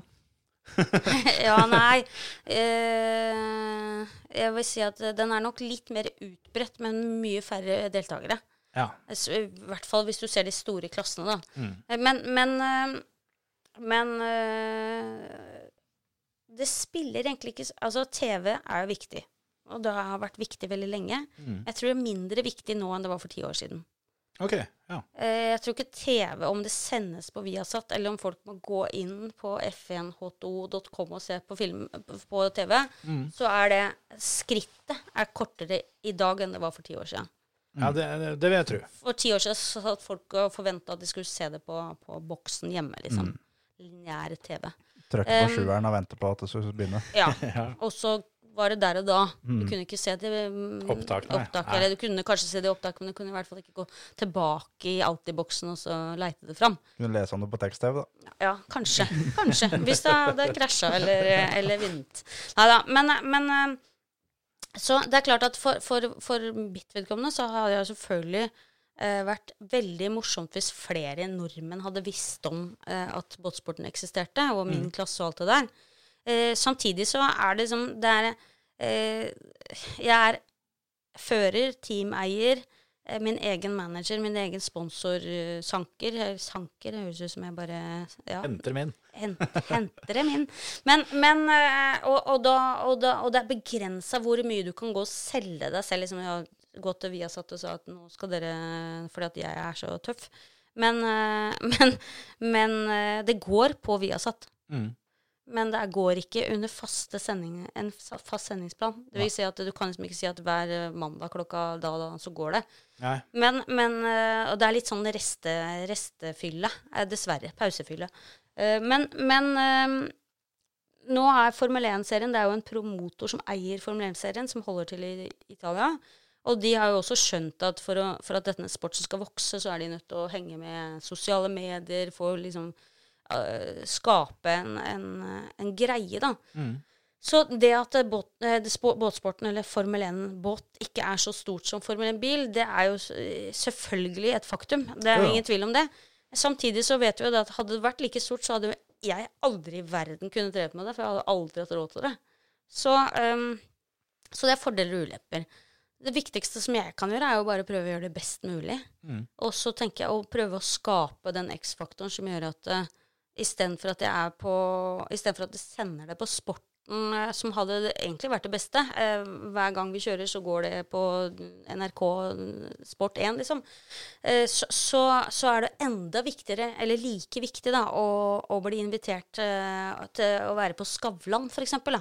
Det er jo mye mer verdt. Jeg har vært på Skavlan, og det, det må jeg innrømme at det var sånn derre Det var sånn Det gjorde underverker Ja, ja. der og da. ja. Det er jo en anerkjennelse og et uh, godkjentstempel da, for, Ja, for du veldig mange, sikkert. Ja, så én ting er at de som har eh, Viasat Motor, ja, det heter jo ikke det lenger, for nå har jo alle, men de som går inn på den kanalen, Mm. de er ihuga motorsportfans, og de vet sannsynligvis hva vi driver med uansett. Ja. Selv om de ikke er like kjent med det som Formel 1-bil.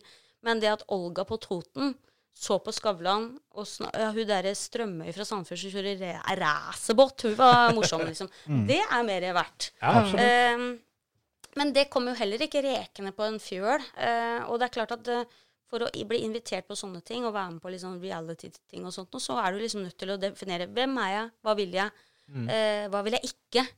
Eh, og, og, og da, for mitt vedkommende, så det første eh, svaret mitt på det er hvem er jeg, og hvem vil jeg bli? Jeg vil bli verdens beste Formel 1-fører. Jeg vil ikke bli kjent. Jeg vil ikke bli rik. Jeg vil ikke bli ditt. Jeg vil ikke, altså, det hadde vært greit, det. Altså, på, men det må være eh, Altså, det overordna målet er det. Mm. Det må komme på grunn av at du har blitt den beste formelsjåføren. 1-sjåføren. Ja. Og, det, og det tror jeg liksom Det har vært min greie hele tida. Altså, ikke, ikke Man må hause opp det man kan, Mm. men så må det være backa av resultater. At det er det som Altså sporten som står i bunn og grunn, da. Mm. Det tror jeg er kjempeviktig. For det, hvis ikke så blir det bare luft. Det blir det blir veldig tungsolgt. Ja. Hvis du da sier jeg kommer inn liksom og er eh, blonden og eneste kvinnelig deltaker og bla, bla, bla, bla, bla, og spiller på det, Mm. og så spør sponsoren ja, åssen gikk det i VM i fjor, da? Nei, eh, kan vi snakke om noe annet, skjønner du? Det blir, det blir feil. Mm. Så man må altså, og og der, der har jeg Det er klart det tok jo tid for meg å bli eh, komme opp i topp, toppsjiktet i, i FN. Det tok mange år. Men jeg visste jo at jeg var god, og jeg visste at jeg hadde resultater fra Formel 2. Og så hadde jeg liksom kommet som eh, 20. mann i F2, og så inn og ble Ja. 20. mann i FN, og så etter ti år ble nummer ti. Så hadde det vært noe annet. Mm. Men man må liksom levere på veien, da. Du hører på Førermøtet, Norges beste motorsportpodkast. Men akkurat det spørsmålet om åssen gikk det i VM-sesongen VM-sesongen forrige gang, det er vel ikke et spørsmål du er spesielt flau over å få nå? Nei, jeg hadde en veldig, veldig god sesong. Eh, og, og jeg har alltid visst at jeg har vært rask og bra. Mm. Det har jeg liksom aldri egentlig tvilt på. Men jeg har hatt veldig sånne der opp- og ned-resultater. Oi, der fikk jeg en femte. Oi, der havna jeg på tolvte. Oi, der ble det fjerde. Oi, der ble det trettende. Litt, Litt sånn, sånn. ja.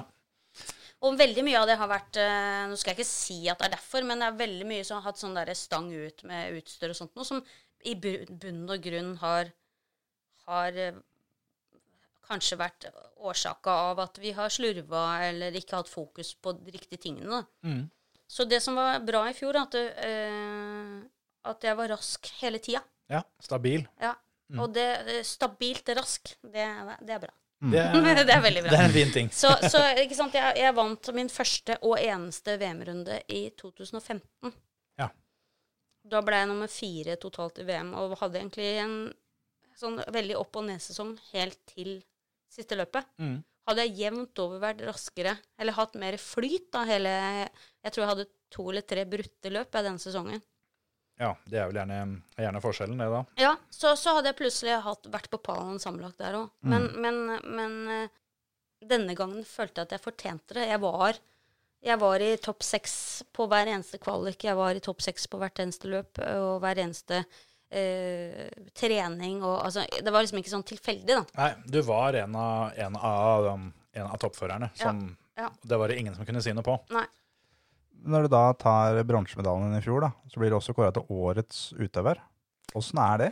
Det er det sykeste, faktisk. Det er, Er det eh, det, er det det råeste du har vært med på?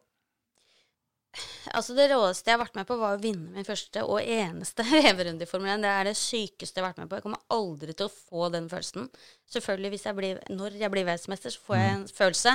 Men den følelsen av å, være, å vinne for første gang i noe som du har drømt om nesten hele livet, Ja. Eh, og da i tillegg gjøre det i den strengeste staten i De forente arabiske emirater, hvor du ikke, egentlig ikke skulle stått på den jævla pallen i det hele tatt. Ja. Så det var, det var så surrealistisk at, eh, at det, var, det var helt sykt. Så, så det er det største. Hva var det du spurte om? Åssen det var å bli eh, årets utøver? Årets utøver. Jeg snakker så mye, vet du. Men, men det å bli årets utøver, det var så uventa. Eh, og jeg syns jo fortsatt det er litt rart. Men, men på en annen side, jeg tror nok Altså i den juryen, da, så er det jo alle Altså alle council, altså øverste myndighet, som regjeringa nærmest, da, i, i det internasjonale båtsportforbundet. Og der er det veldig mange eh, folk fra nedover i Europa, og også Kina og Midtøsten og sånt noe. Og fordi at det er en kvinnelig deltaker som blir, kommer på pallen i Formel 1, Mm.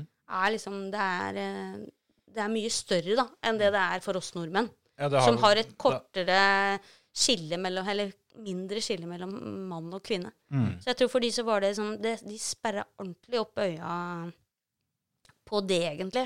For det er klart at jeg var jo da nominert til årets fører sammen med folk som hadde blitt verdensmestere i de forskjellige klassene. Ja, jeg var den eneste som ikke hadde en VM-tittel av de nominerte. Mm. Og jeg var jo, i, jeg var jo på den premietellingen. Og så hadde jeg, jeg jo ganske opptatt av eh, konkurranse. Og sagt til meg selv liksom OK, den vinner du ikke. Så ikke sitt der og liksom Ikke tru og håp. Ikke tru og håp, og ikke få sånn teit fjes når du vet at noen andre Altså, jeg hadde, var virkelig innstilt på bare Ja, dette skal jeg klappe for. Så, samtidig så vil man jo selvfølgelig at de skal rope navnet ditt, men var, det var så far-fetched at de skulle si mitt navn. Da kom kanskje det teite fjeset likevel, da. Ja, så jeg ble Hæ? Nå, ja, ja. Nei, men det, var veldig uventa. Og, og synes, Og det er jo en utrolig eh, anerkjennelse, da. I alle de grenene, i alle de klassene over hele verden. Altså, de kjører racerbåt i Colombia, de kjører racerbåt i Thailand, de kjører racerbåt på Filippinene. og- Der det er vann, rett og slett. Ja, ja, overalt. sånn, ja. Og alle disse mer eller mindre, det er jo organisert i samme Men det er klart at det, Formel 1 henger veldig høyt. Eh, og, og han som ble årets fører året før, han, det var jo verdensmesteren i Formel 1. Så jeg tror nok klassen Formel 1, fordi det er vanskelig, det er, eh, det er en prestisjefylt klasse, så, så det henger høyt i seg selv. Og så var det vel det at disse middelaldrende mennene som, som sitter i det council, stort sett, da, eh, de stemte på meg, for de syntes det var en, en bragd. Mm. Ja, så det var utrolig morsomt. Du det, har jo det som er litt tøft her nå, er at eh, i episode to, når vi da hadde Emil som gjest, som er medprogramleder, som ikke er her i dag, han ble kåra til årets beachforsvarsutøver i 2013. Og han forklarer på akkurat samme måten som det du gjør, at eh, jeg hadde håp om å vinne, men hadde ikke turt å tro på det. Nei. Og sitter der, og de begynner å lese opp hvem det er, og så Ja, det er meg de snakker om nå, er ikke det? Og Var det jeg som leste det, kanskje? Ja, var det på Bilsportgalla? ja, det kan det var Ja, du som leste det. Var sånn Ja, det er, det er mine resultater han leser opp, men det er jo ikke meg. Det er jo ikke det. Og så var det han som vant. Det er akkurat på samme måte som du sier, at du, du tør ikke å håpe på det først. Nei. Men du har jo en ørliten forventning, og du veit i år har det gått veldig bra, og da er det mulighet. Men det er, det er eh, helt nøyaktig samme forklaringa på det.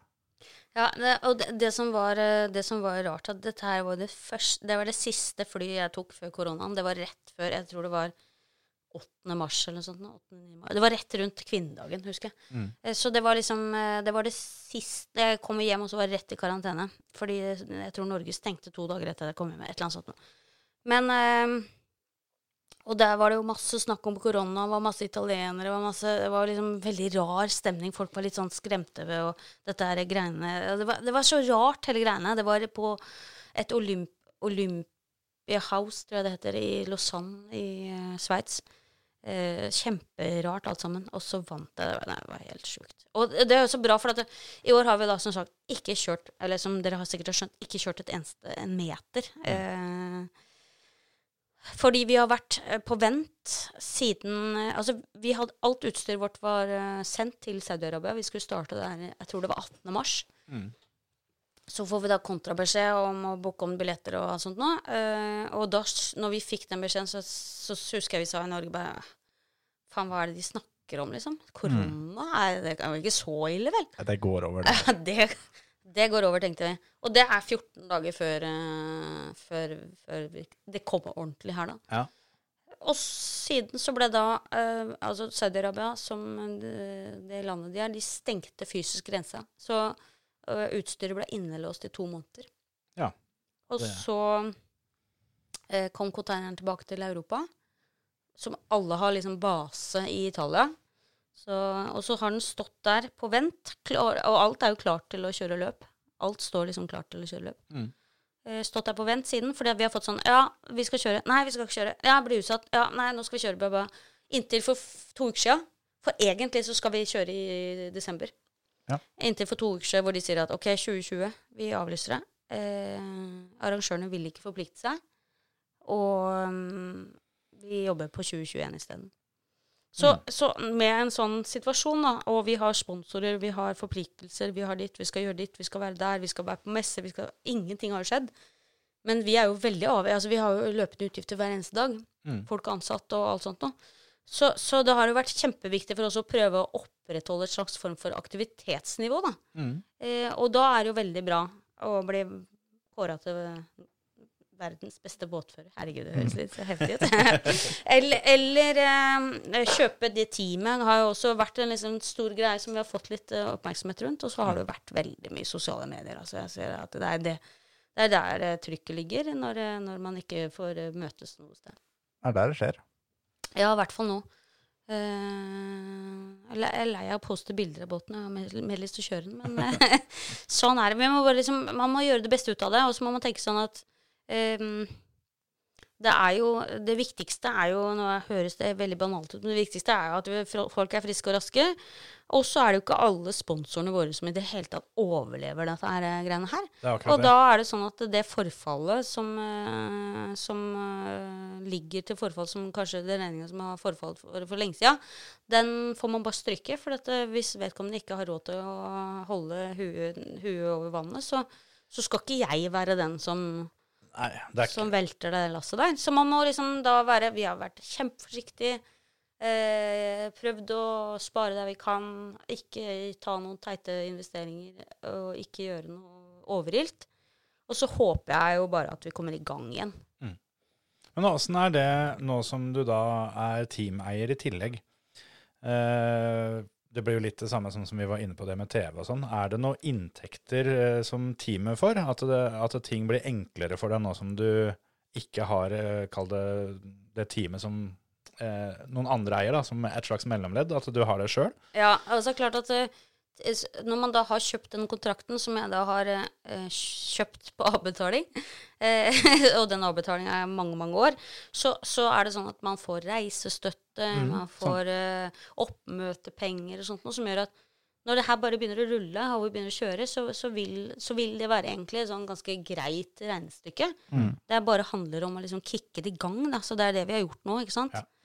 Så, men, men, eh, men eh, alle er jo i samme båt, og de vi kjøper da, er jo forståelsesfulle. Så det, det er liksom ikke noe sånn at de knakker på døra og, og, i morgen. Men, men eh, ja, det vil være fordeler. Og ja, vi får mye mer innflytelse på hva som skjer Mm. med regelverk, eh, eh, og hvor serien går, hvilken vei serien går, da. Tidligere så har det vært sånn at eh, man er én fører, av, og teamlederne eh, samles i ny og ne og bestemmer at nå skal man gjøre sånn og sånn. Og så får man bare den avgjørelsen tredd nedover i hodet. Mm. Mens nå er man en del av det. Og det er jo kjempebra. Så det øker sjansen for at det blir eh, en VM-runde i Sandefjord? Ja, du er inne på noe. Eh, Jeg tror ikke Sandefjord er stedet. Jeg tror det er for lite. Men eh, altså, for lite Det har blitt for mange bygg og brygger og sånt noe. Mm. Men, eh, men eh, en VM-runde i Norge er jo noe vi har snakka om. Og, og det fins masse vann rundt forbi, så det er mange steder. Eh, og jeg tror jo at det hadde vært spek spektakulært å tatt eh, VM-serien til Vestlandet eller Nord-Norge. Mm. Eh, Ikke nødvendigvis tenkt liksom eh, Det behøver ikke være Oslofjorden. Nei, og det, altså, det første alle sier, er jo operaen utafor operaen. Eh, og det er jo fint og heftig, det for oss nordmenn, men det er klart at disse her har vært eh, kjørt utafor Dubai Skyline, for Sydney Opera House osv. Så, videre, så er Ja. Operaen blir litt fislete. Nei, det blir ikke fistete, men det blir ikke så spektakulært som uh, Indre Sognefjorden. Nei, det, var- det var det. Eller midnattssol uh, Ja. oppe i nord. det, det vi har som dem ikke, ikke kan, eh, ikke Bygge. Kan bygge sjøl, ja. Det, det er, jo, er jo naturen vår. Ja, for det er jo det er klart at det er veldig mange av de stedene vi har kjørt som er heftige. Altså, det ser jo drittøft ut. Altså. Men, men det er jo bygd opp kunstig. Det, er, det er ikke noe som ligger der uh, allerede. Nei. Så jeg tror at eh, skal, vi, skal vi vise fram Norge som destinasjon, og skal vi vise fram båtsporten i Norge, så ser jeg for meg at 20 brølende V6-ere inne i, innerst i Sognefjorden Mm. hadde vært heftig. Ja. Og der er det økonomi, det er eh, plass, det er beskytta vann, som er liksom ganske viktig for oss. da. Mm. Eh, vi, har, vi kjørte en gang på Aker Brygge. Eh, da var det offshore 1. Mm. Og så kjørte Formel 2 inne på Aker Brygge, mens offshore 1 kjørte ute i havet. Og det er altfor mye sjø, tilskuerbåter, ferjer og dritt. Det, går ikke an å roe vannet. Nei. Så, så det, er, det er jo et viktig poeng. Men det fins masse steder. Jeg lurer på en ting som, av det jeg har liksom lest meg opp på, på båtsport. Så er propellen den er viktig. Den er viktig. Ja, det, det går ikke så fort uten, da, for å si det sånn. Nei, nei, jeg skjønner jo at den må ha en propell, men det er jo ikke så enkelt at det er bare å sette på en propell, og så er det ferdig. Der er det ganske mye valgmuligheter. Ja. Hva er liksom uh, Hvor mange forskjellige propeller fins det? Er det uendelig? Og hva er forskjellene på dem? Altså, propell er jo Det er jo bare økonomien som stopper deg der, egentlig. Samtidig så er det sånn at du kan bare ha én propell på båten av gangen. Og da har du for mange, så mister du oversikten. Så det viktigste er jo å ha en, en, et sortiment som, som du har fullstendig oversikt over. For det som skjer da, når vi kommer på, på løp f.eks. i Abu Dhabi, det er at eh, der er banen så og så lang, og det er saltvann, og det er mye sjø, lite sjø, det er et langt strekk, det er et teknisk parti osv. osv. Da har jeg liksom OK, jeg tror vi trenger en propell som gjør ca. 200 km i timen, eh, og som er så og så rask eh, fra 0 til 100. Og så er det utgangspunktet. Mm. Uh, og så er det sånn at uh, når vi kjører kvalik, så kjører vi jo sikkert 20 km i timen raskere på toppfart enn i løp. Hvorfor det? Fordi da, da skal du treffe Da skal du En kvalik er Det er som i all annen bilsport, holdt jeg på å si, at du, det er én rullende runde hvor du starter på full fart. Mm. Altså det er flying start. Så du trenger ikke ta hensyn til 0 til 100, for du kommer aldri ned i null. Å ja, ja, ja. Skjønner. Og det er Mm. kjempestor forskjell. Så Mm. da blir det en annen propell på grunn av det, ja. Mm. Mm. Og så er det sånn at eh, når jeg kjører kvalik, så er oppsettet såpass vilt da, at jeg bare klarer å ha det én runde. Ja, Du hadde ikke orka det i 40, Nei, jeg hadde ikke- 45 minutter? Nei, altså, jeg tror ikke For at det er sånn at er, da er du så på grensa at én bølge fra en båt Mm. vil gjøre at du faller gjennom Mm. og må akselerere på nytt. Så da ligger båten så, flyr så høyt i vannet at, som det bare kan. Mm. Bare, Um, bare propellen som er Bare ned, omtrent? propellen som pisker. Og da, da er, det, da er liksom balansen mellom toppfart og akselerasjon en annen enn når du starter fra null. For de første, to, eller første 100 meterne er jo kjempeviktig. Mm. Og hvis du har en propell som er for stor, som har for høy topp, toppfart, men ikke akselerasjonen, Mm. så henger du ikke med. Og henger du ikke med i starten, så havner du midt i. Og havner du midt i, så er det masse bølger. Da må du i hvert fall ha akselerasjon. Mm.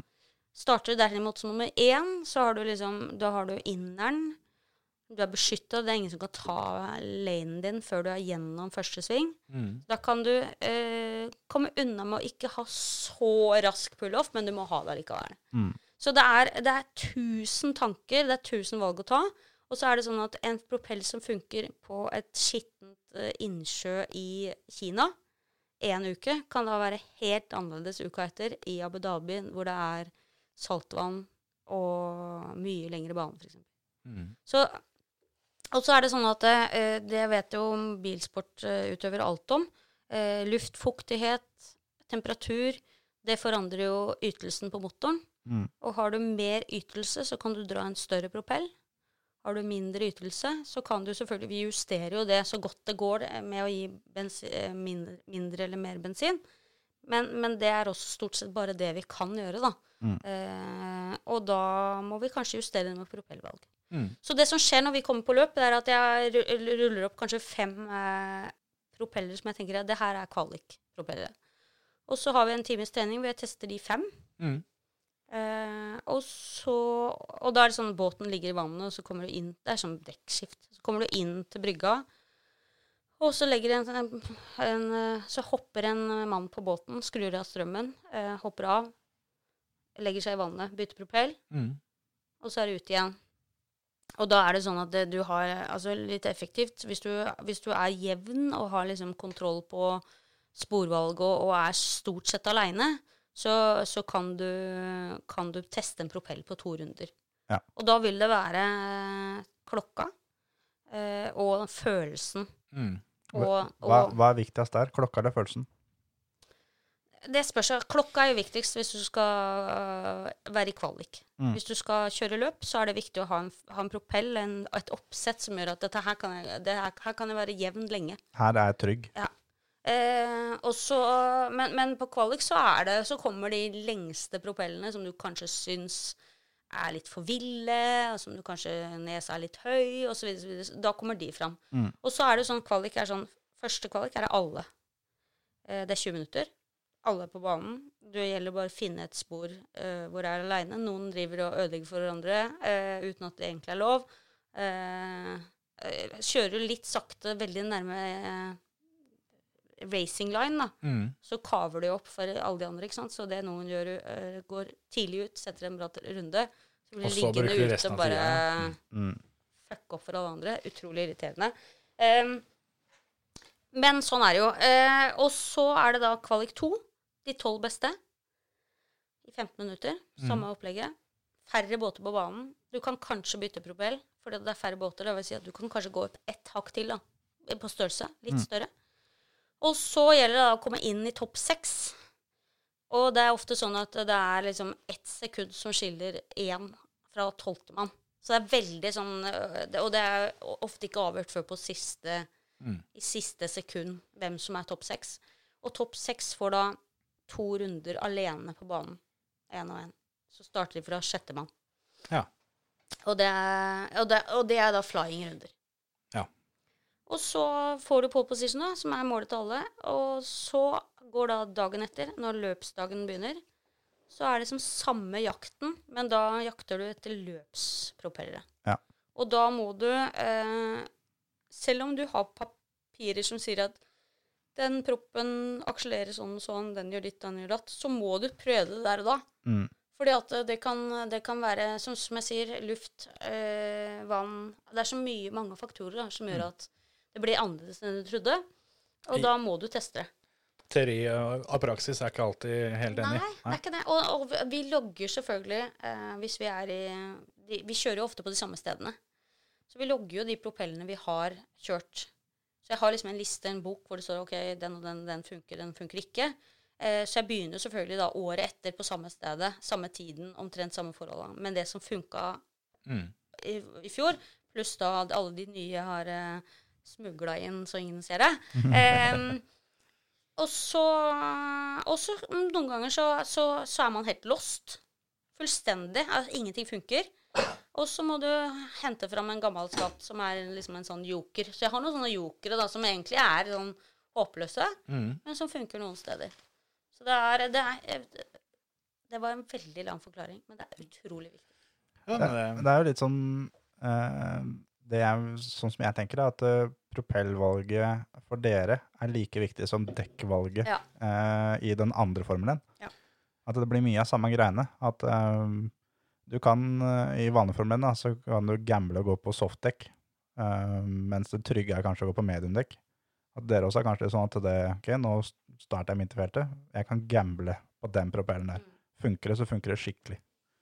Men det eneste som er liksom aberet her, er at du har liksom uant... Altså hvis du vil, så kan du kjøpe 200 propellere. ja. Abu Dhabi-teamet har vel sikkert uh, så de greier seg. 100, ja. Og, og vi har egentlig ganske mange Jeg har ganske mye propper, jeg òg. Eh, men eh, Men eh, det viktigste er som sagt å ha oversikt over hva du har. Mm. Sånn at du liksom ikke plutselig glemte den som var egentlig eh, den beste. Fordi det er så mange der. Ja. Ja, for det kan jo, du kan jo se deg litt blind. Ja, du gjør det. Rett og slett Og så er eh, det sånn skru deg bort. Og så er det sånn at man kjøper inn nytt, og så er det det nye man tenker ja, men det er ny, den er ny, den er ny. Det hjelper ikke det så lenge det ikke funker. Nei, nei. Så ofte så er det Og der er det jo Det er jo det er noen som hele tida forsøker å finne opp noe nytt, ikke sant. Og så kommer det litt nye materialer, eh, og så blir det slått ned på, og så Ja. Det er mye greier. Mye, mye betaler du for en sånn en? En propell koster ca. 25 000. Ja. Det er ikke verre. Nei. Nei, men eh, jeg ville faktisk trodd det var mye mer. Ja. Men eh, det er klart, når du har en god del av den, da. Det, det går Ja, og fort. så eh, og så går de ganske fort i stykker. Ja. Det er jo typisk at du liksom har Det en kommet fram- Ja, du har kommet fram til en veldig bra en, så, så går et blad. Men det er klart, da 25 000 for en propell, og så eh, Jeg vet ikke hvorfor, men jeg har et tall som sier meg at den overhalinga som dere hadde hver andre time, at det er ca. 50 000. Ja, ja, det er noe sånt noe. Altså, nå, nå har jo vi Altså, hvis du skal betale full, full pott for alle delene, så er det nok mer enn det. Men, men ja, vi bruker ca. 50 000. Um, Og- Og det er jo i praksis for hvert løp. Hvis ja, dere ja, ja, det er hvert løp.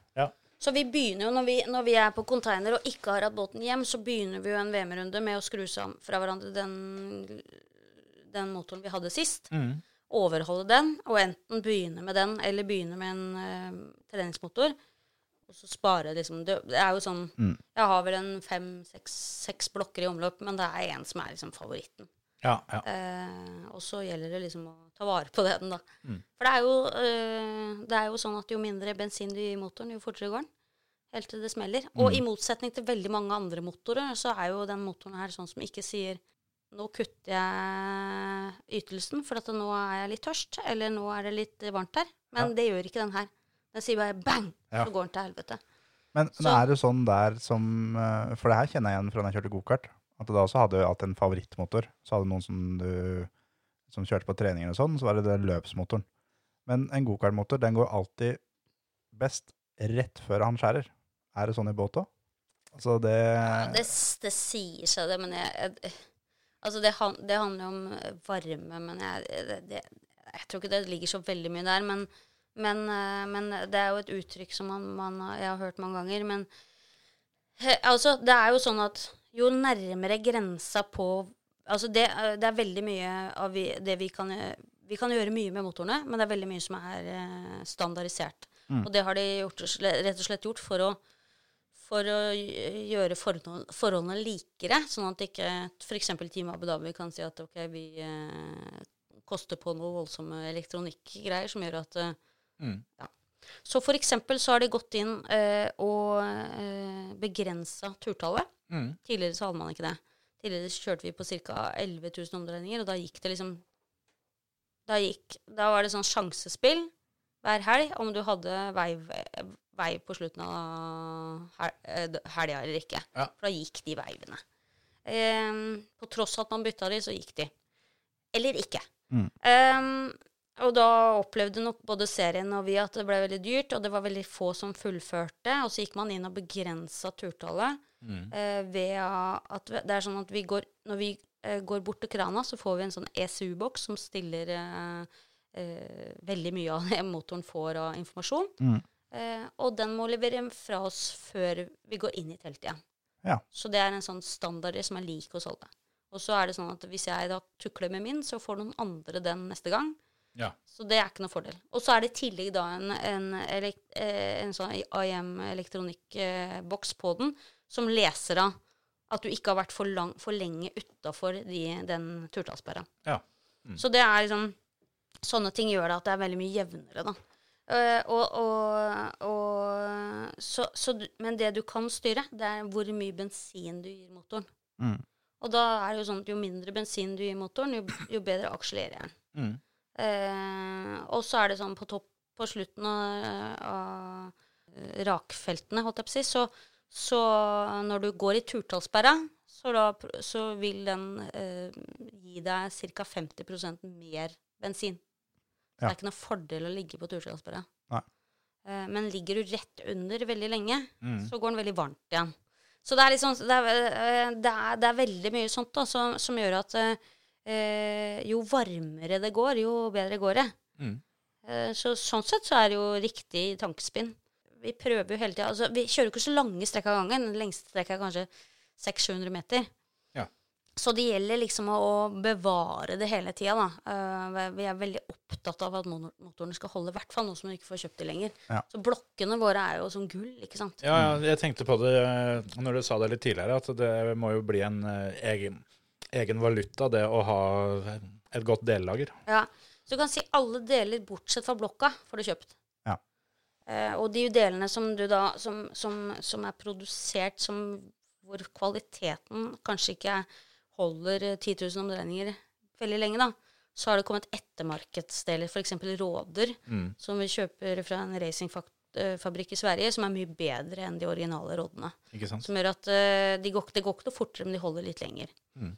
Så, så det er ettermarkedsdeler på det meste, men ikke blokka. Ja. Så nå er det sånn at hvis vi nå eh, skal kjøpe en ny blokk, så må vi kjøpe en blokk som ligner veldig, som er i Mercury-sortimentet, som er egentlig en, en en, fiskemotor. Og så må vi gjøre den om til den eh, motoren vi har. Og den prosessen er både dyr og, og vanskelig. Mm. Så vi kjører fortsatt rundt på gamle blokker, Ja. som da er blitt eh, gull verdt. Ja, ja, ja. Akkurat som en eh, Volvo B320. Det er ikke så enkelt å få tak i de heller. Nei, det begynner å bli verre. Så det er veldig viktig da når du Altså det, du, du får veldig ofte ingen for, forvarsel. Men eh, når motoren har skåret seg Altså hvis veiva går, så, får, du- så sier det bare bang. Og da kan du ikke gjøre noe med det. Men hvis du varmskjærer en sånn motor, så vil du kjenne at den, begynner, at den plutselig ikke har noe effekt lenger. Ja. Da begynner det å lugge. ja. Ja, hvis du da fortsetter å holde full gass, så går de rådene rett ut av sida. Ja. Hvis du da bare drar av med én gang, så har du stort sett bare et stempel som har satt seg, eller to. Og da kan du bytte den eh, sylinderen, og så er resten av blokka grei, liksom.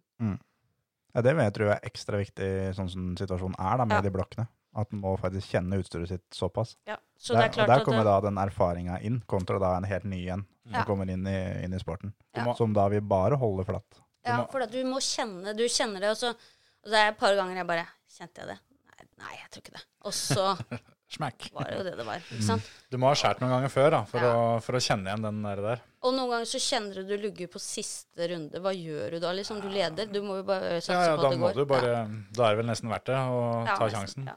Så det er, nei, det, er, det er noen sånne overveielser. Men, men stort sett altså, den kjenner du. Men du kjenner ikke når veiva går. Nei. Da sier det bare bang. Men du, nå har vi sittet her eh, ei stund. Jeg lurer på om vi skal begynne å tenke på å runde av. Men eh, eh, nå kan det jo absolutt hende at det sitter noen der ute og hører på og tenker at dette her, høres gøy ut. Dette her eh, dette vil jeg vite mer om, og kanskje til og med prøve å Altså ikke nødvendigvis Formel 1, da, men eh, det å, det å kjøre litt fort med båt eh, i litt kontrollerte former. Hva, hva er det folk eh, bør gjøre da?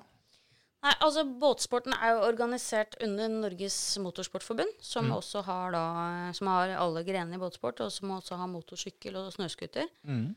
og da er det å finne en, eh, en klubb i nærheten som, eh, som er organisert der, eller kontakte forbundet. Mm. Eh, og så får man hjelp videre.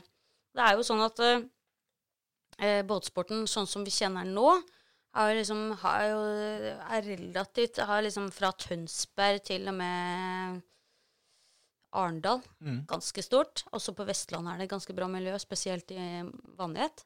Og så er det mange steder hvor det ikke er så aktivt miljø. Men eh, det kan hende det har vært det, og det at det er noen ildsjeler fra f.eks. Trondheim da, som fortsatt egentlig eh, holder på med det litt. Så det er liksom ikke noe, det er ikke noe begrensning sånn sett, men sånn tradisjonelt sett så har dette vært sånn der Østland-Sørlandsgreie. Men eh, Så da er det egentlig bare å kontakte noen. Eller nå er jo eh, internettet eh, åpent for alle, så det er klart at der får man jo Man kan jo alltids google seg fram til førere og, og klasser og, og se hvordan tilbudet er. Og så er det jo, det er jo alders, eh, aldersbestemt noen ting, og så er det andre ting som, som er åpent. Var fra 13 år, var det det du sa Ja, tidligere? det er, det er i vannjet, eller rundbane. Mm. Og i vannjet så tror jeg de begynner på fem år. Sånn Såpass. kn knattekross, heter ikke det i motocross? Ja, det er liksom samme greie. Ja. Så Men hvis du sitter hjemme i sofaen eller eh, ute og kjører bil og hører på dette og tenker at eh, jeg har lyst til å teste dette her sånn, eh, hva snakker du av kostnader for å komme inn på bånn, på en måte, da? For, eh, for meg, eksempel. Ja, altså Det er jo veldig forskjellig. Det kommer veldig an på hvilket ambisjonsnivå du vil legge deg på, og hva slags klasse. Mm. De fleste som begynner med båtsport, begynner jo da Hvis du begynner i rundbane, så begynner de ofte i de GT-klassene, som da er enten GT15 med 15 hester, som det er opp til 16 år, Mm. eller GT30, som det er en V-båndsbåt med 30 hester. Som også gjør eh, den, Båten er så lett at du kan nesten plukke den med deg under armen. Og så gjør, den litt, ja, så gjør den litt over 50 knop. Så det er ganske heftig. Heftig kano i så fall. Ja, det er en veldig kul klasse. Og det er, det er veldig mange av de som har kjørt GT15, som hopper opp dit. Men det er også ganske mange eh, godt eh, voksne mennesker som kjører der. Ja. Og så har du jo, ikke minst i offshore, så har du jo eh, sånn sett egentlig en lettere vei, for der er du to i båten. Ja, det er ikke sant? ofte sånn at eh, du har to å dele kostnadene på. Men hva, det, det lurer litt på, er det, er det fører og kartleser, eh, sånn som vi kjenner i bil, eller Ja. en, er, det- er det navigatør det heter, han ene? Ja, det heter navigatør, og så er det fører. Og, men går du opp til de to største klassene, det ene heter X-Cat, det andre heter Class 1, mm. så er den ene trottelmann, dvs. Si at uh, gasser, rett og slett. Ja. Gasser og styrer alle, alle flaps og, og ut og inn og alt sånt noe. Ja. Og den andre styrer.